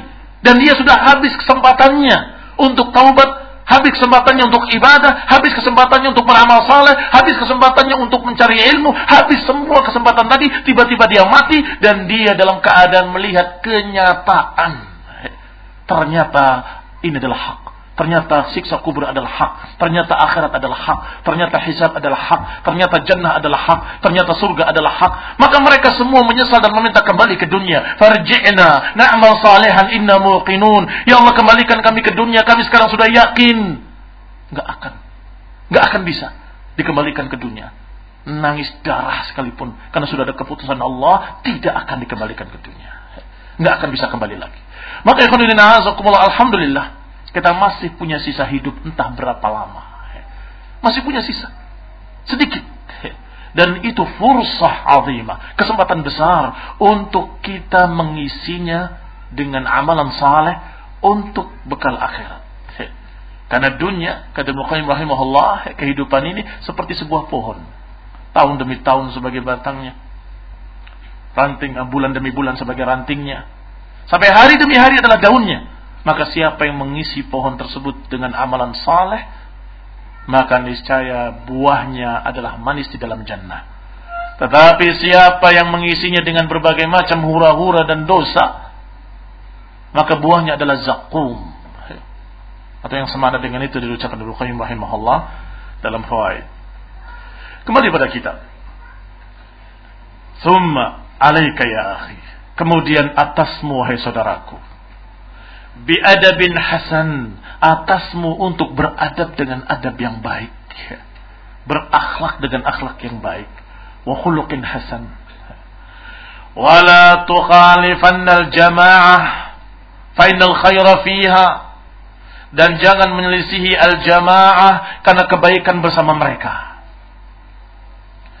Illa man huwa mukibbun 'ala ad-dunya kalladhi ya'mur baitan wa yukhrib baitan Uyukhrib akhar. Jangan menyelisih al-jamaah. Ini berakhlak dengan akhlak yang baik. Beradab dengan adab yang baik. Dan tetap bersama mereka. Bersama al-jamaah. Ini para ulama dan para pengikut mereka. Dari para ah, ahli khair. Karena al-khairu fihim. Karena kebaikan ada pada mereka. Ada bersama jamaah. Alaikum bil jamaah wa iyyakum al furqah. Atas kalian untuk tetap bersama jamaah dan hati-hati kalian dari furqah. Al-jama'atu rahmah wal furqatu adab. Jamaah itu rahmah sedangkan furqah adalah adab. Maka jangan memisahkan diri dari mereka. Illa man huwa mukibbun 'ala dunya kecuali mereka yang sudah tersungkur dalam dunia. Seperti orang yang membangun rumah dan merusak rumah yang lain. Bangun yang ini, rusak yang itu, rusak yang ini, bangun yang itu. Terus. Yang demikian ya azakumullah nggak akan bertambah apa-apa. Karena satu dibangun, satu dirusak. وانصح لكل مؤمن إذا سألك في أمر دينه Nasihat berikutnya nasihatilah setiap mukmin kalau dia bertanya kepadamu tentang urusan agamanya. Nasihati mereka. ولا تكتمن أحدا من النصيحة شيئا إذا شاورك فيما كان لله فيه رضا dan jangan kau sembunyikan ilmu. Jangan kau tutupi ilmu dari seorang pun. Jangan tutupi nasihat. Jangan bakhil terhadap nasihat sedikit pun. Kalau mereka bertanya kepadamu. Idza syawaraka fi makan lillahi fihi ridha. Kalau mereka bermusyawarah kepadamu kalau mereka bermusyawarah kepadamu dengan sesuatu yang ada keriduan Allah padanya, maka jawab. Terangkan. Jangan bakhil. Wa iyyaka an takhuna mu'minan. Dan hati-hati engkau jangan mengkhianati seorang mukmin pun. Faman khana mu'minan faqad khana Allah wa rasulah. Siapa mengkhianati seorang mukmin, maka dia mengkhianati Allah dan Rasulnya khianat ketika diberi amanat, khianat ketika dititipi sesuatu, khianat dalam masalah-masalah dunia, dalam masalah-masalah pribadi, khianat dalam masalah kehormatan yang harusnya tidak disebarkan, dia sebarkan. Itu juga pengkhianatan. Tetapi yang lebih besar dari semua pengkhianatan tadi adalah pengkhianatan ketika mereka bertanya tentang si fulan dan kamu tahu dia memiliki penyimpangan kemudian kamu diam. Ini a'zam, a'zam wa a'zam. Bagaimana si fulan? Ya, menurut saya baik. Saya kira baik, dia nggak ada apa-apa. Padahal dia tahu bahwa orang ini hizbi. Dan tahu orang ini memiliki penyimpangan-penyimpangan. Fahadihi khianah. Khianat yang na'udzubillah. Khianat dalam masalah dunia saja besar, azim. Apalagi khianat dalam masalah agama. Dalam masalah agama yang wajib dia sampaikan. Bagaimana marahnya kalian kalau ada seorang yang bertanya kepada tentang si fulan yang berhubungan bisnis dengannya, kemudian kamu katakan baik, ternyata dia kadzab, ternyata dia naudzubillah pengkhianat, maka hartamu hilang seluruhnya. Bagaimana marahnya kamu? Kamu kenapa ngomong begitu? Kenapa diam? Kenapa nggak kasih tahu saya? Marah dia. Apalagi masalah agama. A'zam wa. Lebih besar lagi. Maka hati-hati. Iya takhuna mu'minan. Hati-hati engkau dari pengkhianatan. Jangan mengkhianati seorang mukmin pun. Siapa yang mengkhianati seorang mukmin berarti dia mengkhianati Allah dan Rasulnya. Karena Allah perintahkan, sampaikan. Rasulullah SAW perintahkan, sampaikan. Allah perintahkan dengan ancaman siapa yang menyembunyikan ilmu maka akan diancam oleh Allah dengan ancaman azab, dengan ancaman laknat. Rasulullah SAW juga mengancam dengan ancaman laknat. Orang-orang yang menyembunyikan ilmu, man katama ilman nafi'an, alzamahu bilizamin min nar. Dan siapa yang yaktumun ilm, menyembunyikan ilmu, dilaknat, wala'an la'inun. Qala dikatakan selanjutnya wa idza ahbabta akhak fillahi fadhul lahu nafsaka wa malak. Nasihat berikutnya dari beliau, jika engkau cinta pada saudaramu karena Allah Subhanahu wa taala Fardul lahu nafsak wa malak. Maka lu keluarkanlah, berikanlah, korbankanlah dirimu dan hartamu.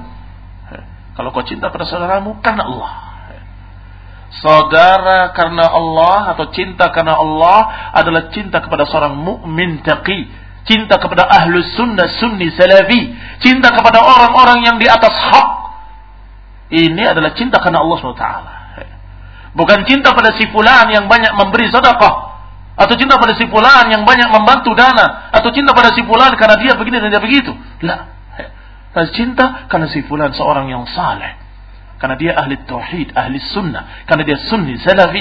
Maka kalau engkau cinta karena Allah, fabdhul lahu nafsaka wa malak, maka keluarkanlah hartamu dan jiwamu. Yani badanmu, hartamu korbankan untuk kepentingannya. Wa iyyaka wal khusumat dan hati-hati engkau dari pertikaian. Hati-hati kalian dari pertikaian. Perdebatan bantah-bantahan. Hati-hati.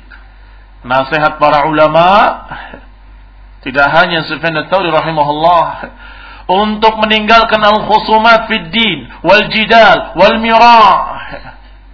Tinggalkan. Fa innaka tasiru zaluman khawanan athima karena dengan perdebatan, dengan bantah-bantahan, dengan pertikaian akan membawa engkau kepada menjadi orang yang zaluman, jadi orang yang zalim, khawanan, pengkhianat, etiman, pendosa. Yang namanya debat biasanya sudah diiringi emosi. Dari mulai pelan semakin keras, semakin keras, semakin keras. Dari mulai bahasa yang bagus sampai bahasa yang kasar. Dari bahasa yang kasar sampai caci maki. Akibat jidal, akibat perbantahan, perdebatan, mira. Din bayin, alhamdulillah. Agama ini sangat jelas disebutkan dalam Al-Quran dengan al-bayinat. Al-bayinat ini perkara-perkara yang sangat gamblang, sangat jelas. Cuma mau dan tidak mau itu saja. Sehingga nggak perlu ngotot. Ngapain? Ilki kalimat wamshi. Sampaikan kalimatmu, jalan. Mau diterima Alhamdulillah. Nggak mau, kamu sudah menyampaikan. Wa ma alaina illa al-balaghul mubin. Tidak atas kita kecuali penyampaian. Debat itu kan artinya ngotot, maksa. Kamu, kamu, kamu dan seterusnya. Ngapain? Seseorang yang datang kepada Imam Malik, Hayya bina ilal hanut. Duduk sebentar di warung itu. Ngapain? Oh hajuk. Aku akan menyampaikan argumenku kepadamu. Dan silakan. Engkau sampaikan argumenmu kepadaku. Kata Imam Malik, kalau aku kalah, bagaimana? Kalau kau kalah, kau ikut aku. Tapi kalau aku udah ikut engkau, ternyata datang orang ketiga mendebat kita dan kita kalah, bagaimana? Kalau kita kalah, kita berdua ikut dia. Ma'araka, aku melihat engkau yatanakal min dinin ila din. Kalau begitu, aku melihat engkau akan berpindah-pindah terus dari satu agama kepada agama lain. Silahkan, pergi kepada orang yang nggak punya agama sepertimu. Adapun aku sudah mendapatkan agamaku. Ini jawabannya Imam Malik. Silakan pergi kepada orang yang sejenismu yang belum punya keyakinan agama. Adapun aku sudah meyakini agamaku. Ngapain perbandingan agama? Ngapain perbandingan Sunni dengan Syiah? Kita perbandingkan Sunni dengan Syiah yang lebih baik. Jangan. Jangan memperbandingkan pedang dengan kayu. Alam tara anna sayfa yanqusu qadruhu idza qila ahaddu min al-'asa? Tidakkah kau tahu bahwa pedang itu akan jatuh nilainya? Akan direndahkan ketika dikatakan lebih tajam dari kayu. Telah dibanding-bandingkan pedangnya dengan kayu. Wah, ternyata pedang ini lebih tajam dari kayu ini. Kurang ajar apa enggak kurang ajar? Wallah, yang punya pedangnya akan marah. Kurang ajar kamu. Pedang saya dibandingkan dengan kayu. Walaupun dimenangkan, wah ternyata memang pedangmu lebih tajam dari kayu. Itu penghinaan. Alam tara anna sayfa yanqusu qadruhu. Ketahuilah bahwa pedang akan jatuh nilainya ketika dikatakan ahadu minal asa, ketika dikatakan lebih tajam daripada kayu. Demikian pula kalau diperbandingkan sunnah dengan bid'ah. Sebentar. Yang sunnah sama bid'ah bagus mana ya? Banding-bandingkan, oh ternyata sunnah lebih bagus daripada bid'ah. Ya terus terang saja. Itu adalah penghinaan. Wallah itu penghinaan. Jangan dibandingkan dengan balalah. Al-haq fi wadin wa balalah fi akhar. Nggak bisa dibandingkan sama sekali. Jangan dibandingkan tauhid dengan syirik. Jangan dibandingkan sunnah dengan bid'ah. Jangan dibandingkan sunni dengan syiah. Syiah ajaran manusia, ajaran kadzabun asyir, ajaran orang-orang yang sama sekali tidak mendapatkan wahyu, tidak mendapatkan ilmu, tidak mendapatkan apa pun dan mereka kadzab, para pendusta, alul hawa, alul zaig dibandingkan dengan seorang rasul yang mendapatkan wahyu dari Allah. Itu kurang ajar.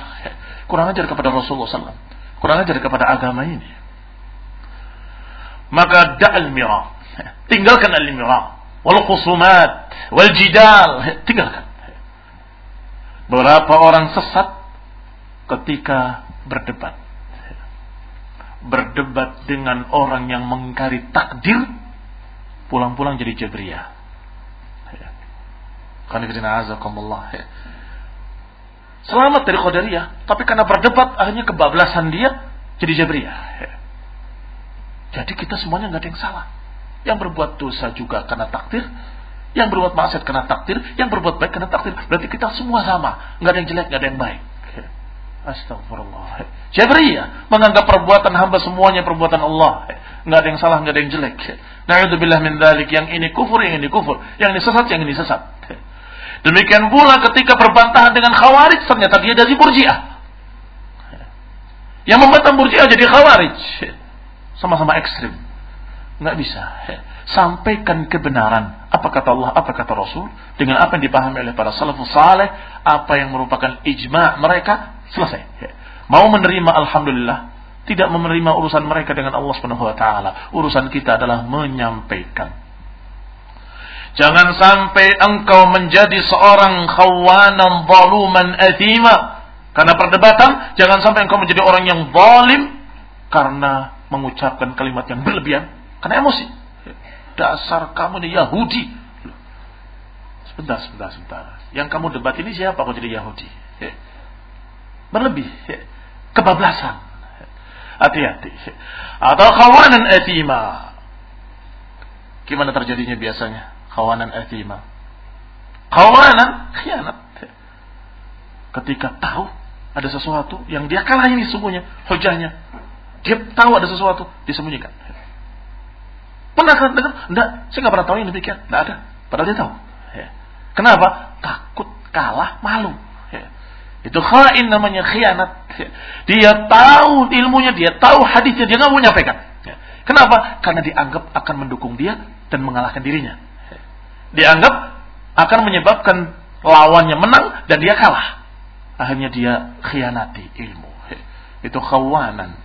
Asiman tentu saja karena banyak sab banyak cercaan, banyak caci makian, banyak ucapan-ucapan yang jelek di dalamnya. Wa alaika sabri maka atas kamu untuk sabar. Sabar innallaha ma'asabirin. Fil mawatin kulliha sabar dalam segala keadaan dalam segala tempat. Fa inna sabra yajurru ila al-birr wal birru yajurru ila al-jannah karena yang namanya sabar akan membawa kepada kebaikan dan kebaikan akan membawa kepada surga. Sabar dalam segala sesuatu. Ditimpa kekurangan sabar, ditimpa kekayaan juga sabar. Karena sabar maknanya istiqamah alal haq. Karena maknanya sabar adalah tetap di atas kebenaran walaupun keadaan apa pun. Artinya dia dalam keadaan miskin sabar, dalam keadaan kaya juga sabar walanabluwannakum bisyarri wal khairi fitnah. Atasbirun. Kami akan uji kata Allah dengan kebaikan dan dengan kejelekan sebagai fitnah. Apakah kalian sabar? Sebagai ujian. Kami uji kalian dengan kebaikan dan dengan kejelekan, dengan musibah-musibah. Itu ujian. Harus tetap sabar di atas Quran dan Sunnah dengan pemahaman salaf. Diberi oleh Allah Subhanahu wa taala sebaliknya, dituangkan sekian banyak harta dunia. Tetap sabar istiqamah di atas Quran dan Sunnah, di atas pemahaman salaf. Ada orang yang selamat ketika diuji dengan kemiskinan. Masya Allah, istiqamah sabar. Tetapi diuji dengan kekayaan, balla, menyimpang. Ini banyak. Bahkan disebutkan oleh Rasulullah SAW dalam hadis, "Mal faqra asya alaikum." Bukan kemiskinan yang aku takutkan atas kalian. Akhsya, tetapi aku khawatirkan an tufrat alaikum dunya, an tusab alaikum dunya sabban. Aku khawatir dituangkan pada kalian dunia. Fatanafasuha kama tanafasuha. Akhirnya kalian berlomba-lomba di dalamnya sebagaimana orang terdahulu berlomba-lomba. Akhirnya kalian binasa seperti orang terdahulu binasa. Atau dalam riwayat hatta la yazigu qalba ahadikum illahi Dituangkan harta dunia hingga tidak merubah, tidak menyimpangkan hati seseorang kecuali harta itu. Ilahi. Artinya godaan harta tidak kalah mengerikannya dengan godaan kemiskinan. Godaan kekayaan juga fitnah, godaan kemiskinan juga fitnah. Tapi bentuk lainnya syar dan khair. Syar dalam artian kamu berhasil, dalam keadaan kamu gagal. Khair dalam keadaan kamu berhasil. Ya, ini ketika kamu berdakwah. Kamu gagal. Gak ada yang mau dengar. Sampaikan gak ada yang mau dengar. Sampaikan gak ada yang mau ngikut. Ngaji dari mulai lima orang sampai tinggal satu orang. Habis itu pamitan. Saya nggak bisa besok Ustaz. Ditawarkan gratis gak ada yang mau. Diajarkan ilmu dan yang mau. Sabar. Sabar. Jangan berubah. Jangan kemudian berpikir seperti apa yang digambarkan oleh Mu'adz bin Jabal bahwa nanti akan muncul fitnah, dituangkan harta dunia dan kemudian seseorang membaca Quran, anak kecil baca Quran, orang dewasa baca Quran, perempuan laki-laki baca Quran, mukmin, munafik semuanya baca Quran. Tetapi nggak ada yang mau ikut. Afala aqrahu alaniyatan? Tidakkah aku baca terang-terangan kepada mereka? Aku baca terang-terangan. Wala ahad dan aku tidak lihat ada yang mau mengikuti aku seorang pun. Kemudian dia mengada-adakan kebid'ahan di rumahnya membuat tempat ibadah kemudian membuat kebid'ahan. Maka dikatakan oleh Muhammad bin Jabal, "Iyyakum wa mabtada' fa inna mabtada'a dhalalah." Hati-hati kamu dari kebid'ahannya karena kebid'ahannya itu adalah kesesatan. Kenapa mengadakan kebid'ahan? Ketika dirasa tidak laku, disampaikan sunnah, disampaikan sunnah gak laku. Kalau gitu perlu dikasih bumbu-bumbu yang kira-kira laku. Akhirnya bid'ah diadakan. Hati-hati. Ini namanya tidak istiqomah. Berarti dia difitnah, diuji dengan syar, gagal dia. Maka apakah diuji dengan perkara seperti itu? Maka hendaklah sabar. Tetap istiqomah. Di atas kitab sunnah. Karena yang penting di sisi Allah adalah menyampaikan. Selesai. Adapun pengikut urusan Allah, yahdi man yasha wa yudhil man. Demikian pula ujian sebaliknya. Diuji dengan keberhasilan. Masya Allah, yang ngikut bertambah banyak, bertambah banyak, bertambah banyak. Sampai sejauh mata memandang manusia, mendengarkan dia berbicara. Mulai muncul ujub, bangga diri, GR. Wah, berarti saya, berarti saya, berarti saya. Sampai ujung-ujungnya, saya itu dengan Syekh Robi itu begini. Cuma beda sedikit. Beda-beda tipis. Mulai. Kau muslimin yang saya hormati. Ini fitnah, itu juga fitnah. Walanabluwakum bisyarri wal khairi fitnah. Atasbirun. Dan termasuk fitnah menghadapi sekian banyak manusia yang bermacam-macam sifatnya, bermacam-macam ragam modelnya. Ada yang begini, ada yang begitu, ada yang begini. Itu juga ujian. Jangan ba'dukum li ba'din fitnah. Demikian kami jadikan sebagian kalian sebagai fitnah pada sebagian yang lain. Apakah kalian sabar?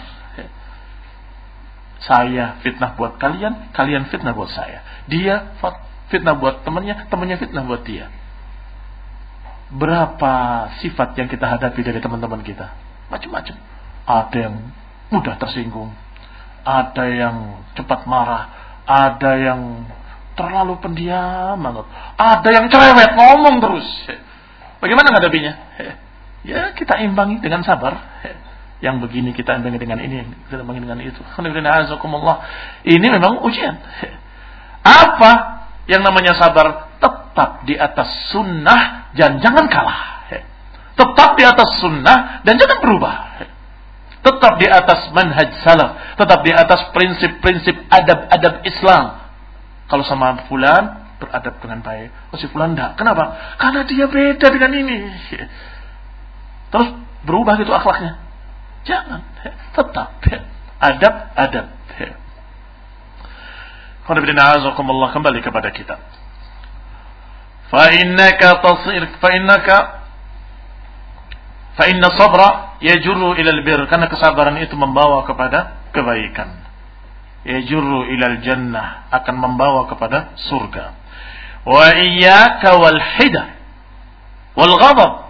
Fa'innahuma ilal fujur Nasihat berikutnya sebaliknya. Tadi nasihat untuk sabar dan yang kedua, yang berikutnya jangan cepat marah. Hidah wal ghadab ini adalah emosi, emosi dan marah. Jangan mudah marah. Ya Rasulullah, ausini, berikan wasiat kepadaku. La taghdab. La taghdab. Faradda miraran la taghdab. Diulangi oleh Rasulullah SAW berkali-kali, jangan marah, jangan marah, jangan marah. Katanya orang, katanya orang ini bisa terima, bisa ditolak. Marah itu gila sesaat. Emosi itu gila sesaat. Buktinya apa? Ketika dia sudah reda, menyesali. Kenapa kok saya memecahkan piring? Kenapa saya banting gelas? Kenapa saya eman-eman belinya mahal kemarin?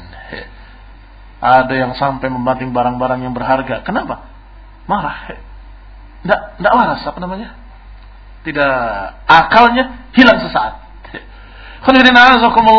Maka la taghdab, jangan marah, jangan emosional, sabar.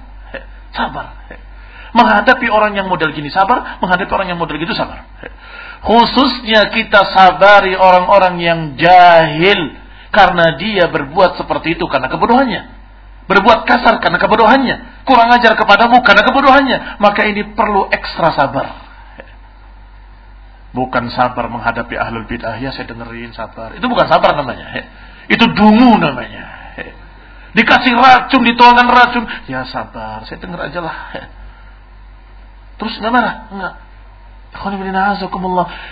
Quran diselamatkan nggak marah. Hadis, hadis diputar balikan nggak marah. Para ulama dicerca diam. Ya sabar ya akhi, itu sabar. Bukan, itu bukan sabar. Itu kedunguan dan tidak memiliki kecintaan pada Allah dan Rasulnya. Yang kita maksud sabar itu seperti Rasulullah SAW ditarik bajunya oleh seorang bedui sampai merah lehernya. Para sahabat hampir marah. Rasulullah SAW menahan mereka. Dipanggil, ada apa? Dengan baik-baik. Dijawab, berikan hak Allah yang ada padamu kepada kami. Maksudnya si minta oh karena dia miskin. Tapi bahasanya serahkan, berikan kepadaku apa yang merupakan hak Allah yang ada padamu.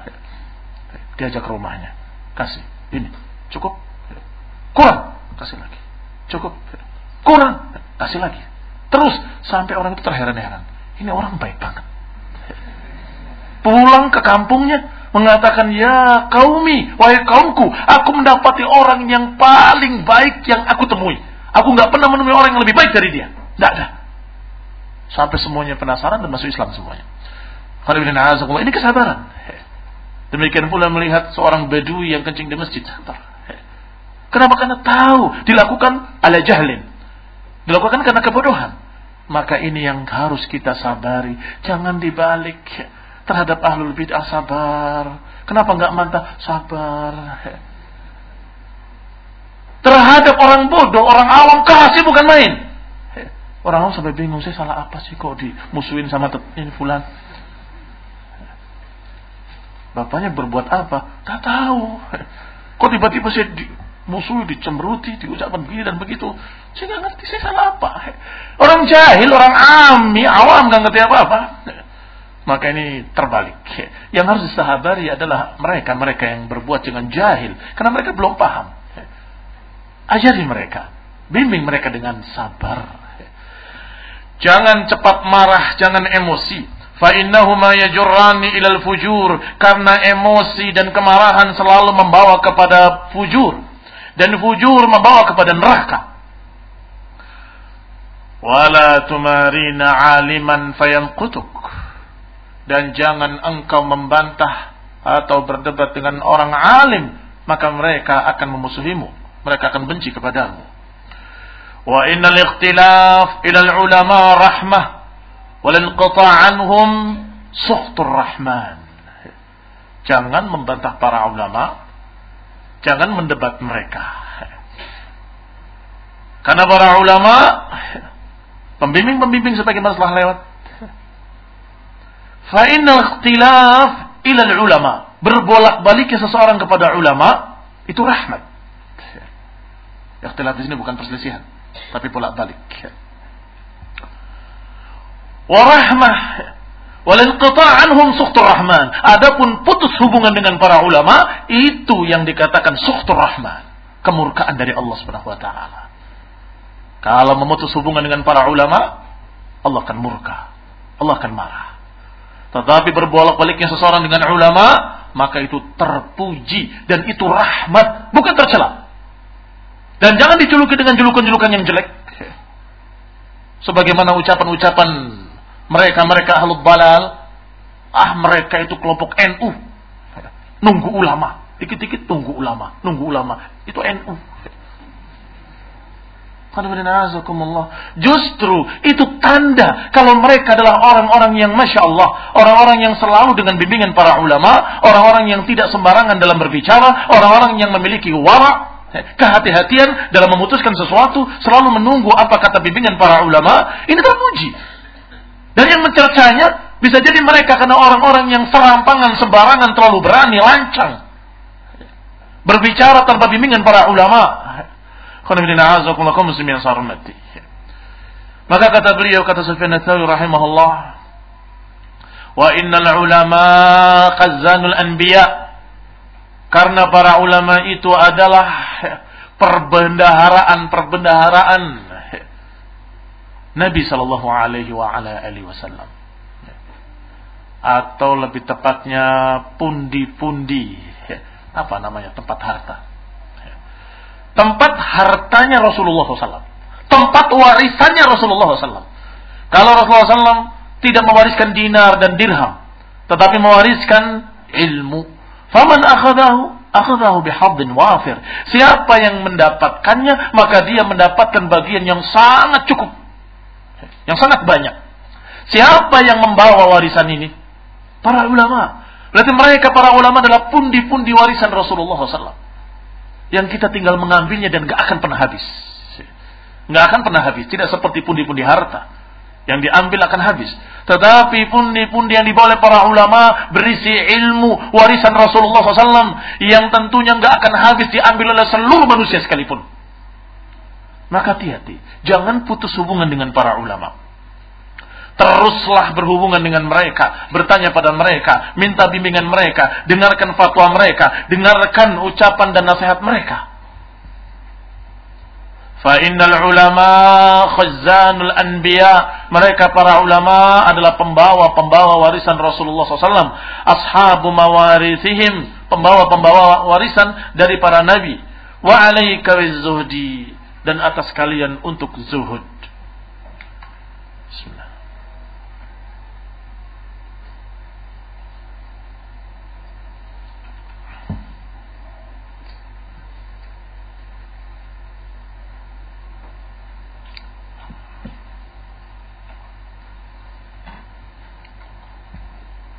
Alaika zuhud. Atas kamu untuk zuhud. Dan makna zuhud adalah lebih mementingkan akhirat. Mengalahkan dunia dengan akhirat. Bukan zuhud dalam artian meninggalkan dunia secara keseluruhan. Tidak demikian. Karena Allah katakan wala tansa nasibaka minad dunya. Wa alaika zuhud. Pentingkan akhirat dan kalahkan dunia. Yubassiruka Allahu awratad niscaya Allah akan menjadikan engkau bisa memandang kekurangan-kekurangan dunia.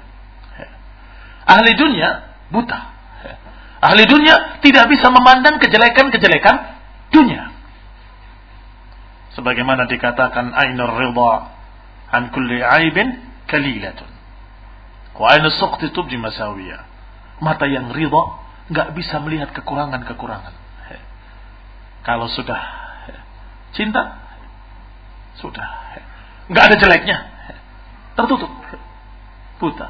Demikian pula ahli dunia yang hubbud dunia, yang cinta dunia, maka mereka nggak bisa melihat aurat dunia, nggak bisa melihat akibat-akibat jelek dari dunia dan nggak bisa melihat kekurangan-kekurangan dunia, aib-aibnya dunia nggak bisa melihat, melihat yang bagus terus. Ini akan membawa keindahan. Ini akan membawa kenikmatan. Ini akan membawa kelezatan. Ini akan membawa santai, tidak akan membawa roha, akan membawa akan membawa semuanya disebut dengan kebaikan-kebaikan, kebaikan-kebaikan. Apa iya? Apa iya? Bahwa dunia semuanya kebaikan? Tidak demi Allah. Semua yang namanya dunia ada sisi baiknya, ada sisi jeleknya. Semua yang namanya dunia ada sisi baiknya, ada sisi jeleknya. Tetapi siapa yang bisa memandang dari dua sisi, baiknya di sini, jeleknya di sini? Ahlu zuhud. Orang yang memiliki zuhud pada dirinya, yubasiruh Allah awrat dunia. Dia akan dijadikan oleh Allah bisa memandang dunia dengan hikmah. Memandang dunia dengan mata yang tajam. Bisa melihat di mana baiknya, di mana jeleknya. Sehingga dia mendapatkan kebaikannya dan terhindar dari kejelekannya. Wa alaika dan atas kamu untuk memiliki sikap wara, kehati-hatian. Yukhaffifullah hisabak. Kalau engkau berhati-hati dalam bersikap, dalam berbicara dan sebagainya takut pada Allah Subhanahu wa taala, maka akan mudah hisabmu. Fasawfa yuhasabu hisaban yasira. Akan dihisab dengan hisab yang mudah. Wada' kathiran mimma yuribuka ila ma la yuribuk. Takun saliman. Dan wasiat berikutnya, tinggalkan. Kebanyakan apa yang meragukan kamu. Tinggalkan. Ilama la yaribu kepada apa yang tidak meragu-ragukan kamu. Diajarkan oleh beliau rahimahullah untuk beramal dengan yang pasti-pasti. Yang ragu-ragu jangan. Kayaknya begini kayak nanti. Kalau masih kayak kayaknya jangan jadi dalil, jangan jadi hujjah. Tapi kalau sudah jelas kalau Allah kalau Rasul, sudah jelas ajma'al ulama, sudah jelas dikatakan oleh para ulama dengan fatwa mereka, maka wabihi wa ni'mah kita ambil, kita terapkan, kita tegakkan dengan yakin. Ma fihi raibun wala miryah. Enggak ada keraguan, enggak ada miryah. Enggak ada taraddud. Tetapi kalau sesuatu yang meragukan jangan. Ragu-ragu mundur. Hah? Kata Brimob, ragu-ragu, mundur. Kalau ragu-ragu, jangan. Bahaya. Bahaya. Kalau itu masalah dunia, ini masalah agama. Lebih-lebih lagi. Lebih berbahaya lagi masalah agama. Kalau meragukan, jangan kamu kerjakan. Hukum ibadah itu berbeda dengan masalah dunia. Kalau dunia kerjakanlah semuanya, kecuali yang dilarang. Tapi kalau ibadah, jangan dikerjakan. Kecuali kalau ada perintah. Maka hukum asalnya jangan. Kalau masih ragu, jangan. Sampai pasti, kerjakan. Barakallahu fikum. Kata beliau, da' ma yaribuk. Atau da' kathiran mimma yuribuka ila ma yuribuk. Sebagaimana diriwayatkan, da' ma yaribuk ila ma la yaribuk.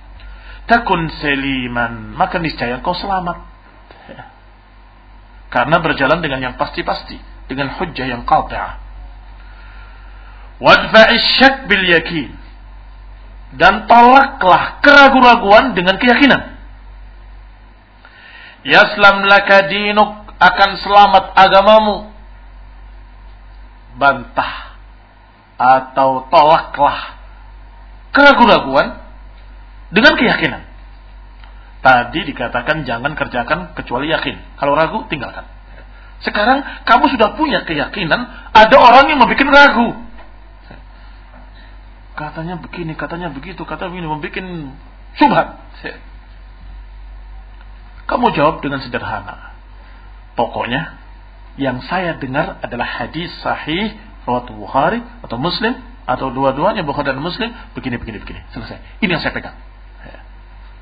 Ya. Tapi kalau ternyata ini benar, ya, ya ternyata itu benar nanti. Ya. Sekarang ini yang jelas. Ya. Ini hadis sahih yakin.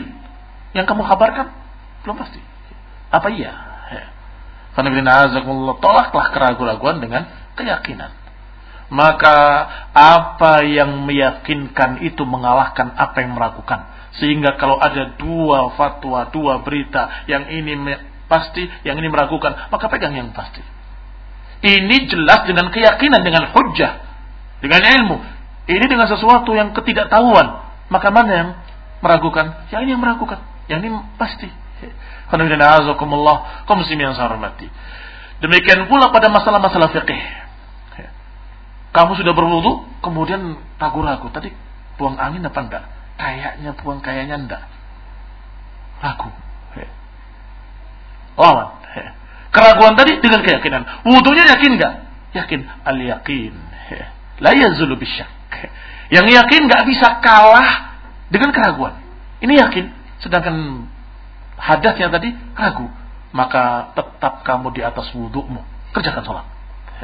Jangan mau diombang-ombangin oleh syaitan. Sholat sampai gelisah. Ini kayaknya saya batal kayak sampai salam kamu belum baca apa pun. Karena masih memikirkan permasalahan tadi itu. Hadat enggak, hadat enggak, hadat enggak. Kalau azakumullah, dak. Tidak mayaribuk ila ma la yaribuk. Tinggalkan yang meragu-ragukan. Kepada apa yang tidak meragukan. Wudhunya tidak meragukan. Hadisnya meragukan. Tinggalkan yang meragukan. Jelas kita sudah wudhu. Selesai. Barakallahu fikum. Qala wa'mur bil ma'ruf wanha 'anil munkar. Takun habiballah. Hendaklah engkau tegakkan amar ma'ruf nahi munkar. Perintahkanlah kepada yang baik-baik yang sesuai dengan kitab sunnah dengan pemahaman salaf. Wanha anil munkar dan laranglah kemunkaran-kemunkaran. Yang bertentangan dengan Quran dan sunnah yang menyelisihi salaf. Wanha 'anil munkar takun habiballah niscaya engkau akan menjadi kekasih Allah Subhanahu wa taala ketika disebutkan ayat Allah Subhanahu wa taala wa man ahsanu qawlan mimman da'a ila Allah wa 'amila salihah disebutkan oleh Hasan al-Basri hadza habibullah. Yang dimaksud ini habibullah. Kecintaan Allah Subhanahu wa taala. Siapa? Man da'a ila Allah baik ucapannya daripada orang yang mengajak kepada Allah. Wa amila salihah maka di sini khonibina azakumullah wa'mur bil ma'ruf wa nahi munkar ini juga salah satu bentuk dakwah ilallah. Perintahkan kepada perintah-perintah Allah. Laranglah dengan larangan-larangan Allah. Maka niscaya engkau jadi habibullah jadi waliullah jadi kekasih Allah Subhanahu wa taala. Wa abghudil fasiqina tatrud bihi syayatin. Bencilah engkau kepada orang-orang fasik niscaya engkau akan bisa menolak atau bisa mengusir dengannya syaitan-syaitan.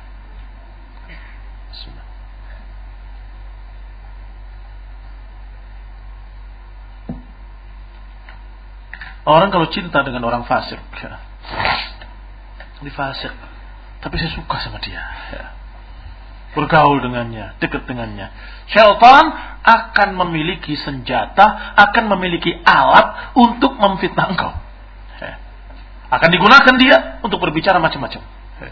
Yang suatu saat kamu akan termakan dengannya. Ya. Tetapi kalau engkau benci pada mereka, tidak bisa. Ya. Syaitan nggak memiliki alat apa pun untuk berbicara dengan kamu. Karena tidak memiliki media ya, untuk ngomong. Sedangkan bisikan-bisikan di hatimu kamu bantah. Ya. Jauh dengan berlindung pada Allah SWT selesai. Ya. Tapi kalau ada kamu bergaul dengan mereka, ya, dekat dengan mereka, syaitan bisa memakai mulutnya. Ya. Katakan begini, katakan begitu, katakan begini, katakan begitu. Ya. Sehingga jangan heran Kadang-kadang bisikan-bisikan syaitan tidak langsung ke dalam hati, tetapi pinjam mulutnya para fasiqin. Pinjam mulutnya para fusak. Pinjam mulutnya mereka-mereka yang ahlu balal. Atau mereka-mereka yang na'udzubillah orang-orang zalim, orang-orang yang jelek. Yang mudah dimasuki oleh syaitan. Wa alaika. Dan dikatakan, wa aqil al-farah wa dhahik. Dan kurangilah tertawa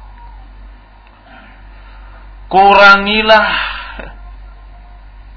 apa kegembiraan rame-rame ngakak-ngakak. Bima tusibu minad dunya hati-hatilah kurangi tertawa.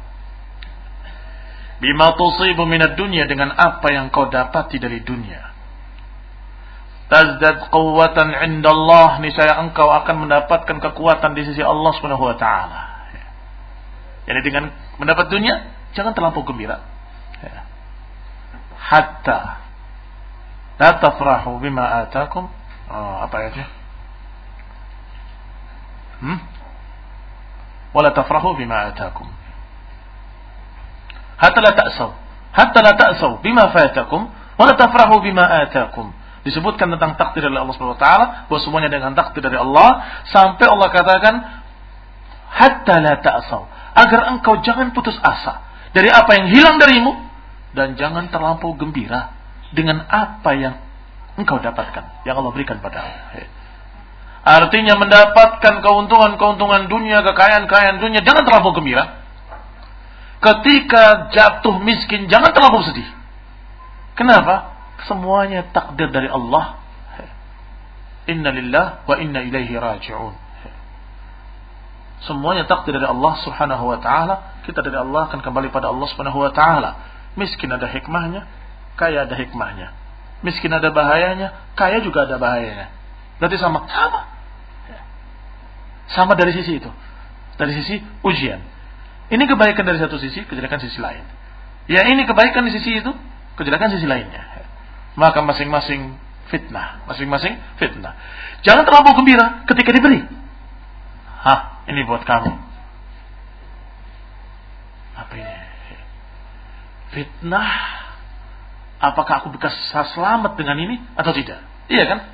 Ada dua kemungkinan.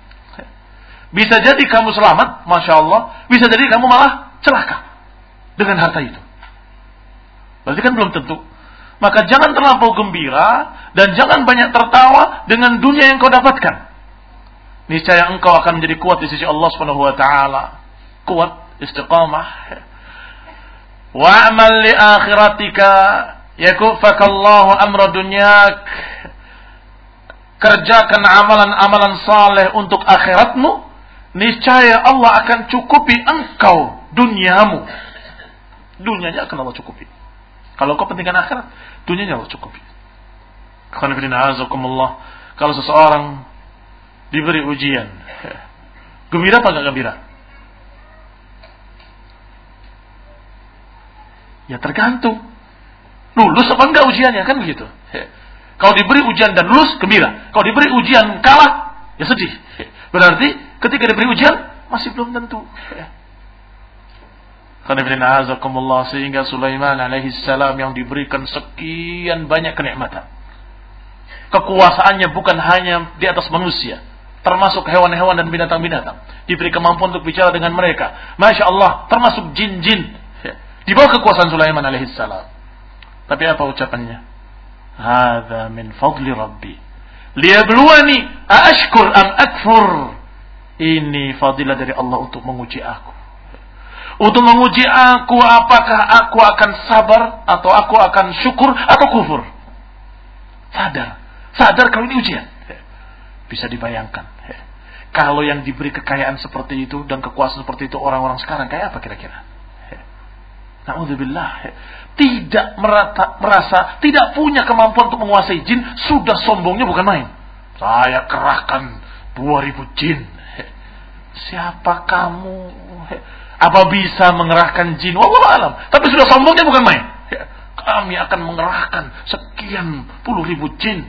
Dan kami memiliki pasukan yang tidak terlihat dan seterusnya. Sombongnya bukan main. Tetapi Sulaiman yang benar-benar diberi kekuasaan. Bukan hanya jin-jin saja. Bahkan jin-jin dan juga binatang-binatang. Tetapi beliau menyatakan hadza min fadli rabbi liyabluwani aashkur am akfur. Ini Allah berikan sebagai ujian bagiku. Apakah aku syukur atau aku kufur? Maka ahli sunnah salafiyun ketika mendapatkan dari Allah harta yang melimpah ruah, masya Allah, syukuri alhamdulillah dan sadari kalau itu ujian. Liyabluwakum untuk menguji kalian. Atashkurun atau takfurun? Na'udzubillah. Apakah bersyukur atau kufur? Maka azakumullah, jangan terlalu gembira karena itu belum tentu. Kalau ternyata lulus alhamdulillah, kalau ternyata kalah naudzubillah. azakumullah dikatakan qala rahimahullah wa'mal li akhiratika yakufallah yakuffakallah amra dunyak. Beramallah untuk akhiratmu, niscaya Allah akan cukupi engkau urusan duniamu. Wa ahsin sarirataka. Yuhsinullah ala niyatak.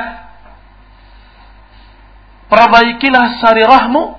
Niscaya Allah akan perbaiki alaniyahmu sarirah dengan alaniyah lawannya. Sarirah apa yang tersembunyi dalam hati. Alaniyah apa yang tampak secara zahir perbaiki apa yang dalam hati niscaya Allah akan perbaiki apa yang tampak Jangan sebaliknya. Na'udzubillah seperti para munafikin. Memperbaiki yang bohir-dohirnya. Enggak diperbaiki yang batinnya. Bohirnya, tampaknya diperbaiki. Penampilannya, sholatnya kelihatan bagus. Ternyata hatinya, na'udzubillah, rusak. Dengan berbagai macam kebidahan, takhayul khurafat. Dengan berbagai macam kesyirikan-kesyirikan, ria, ujub, sum'ah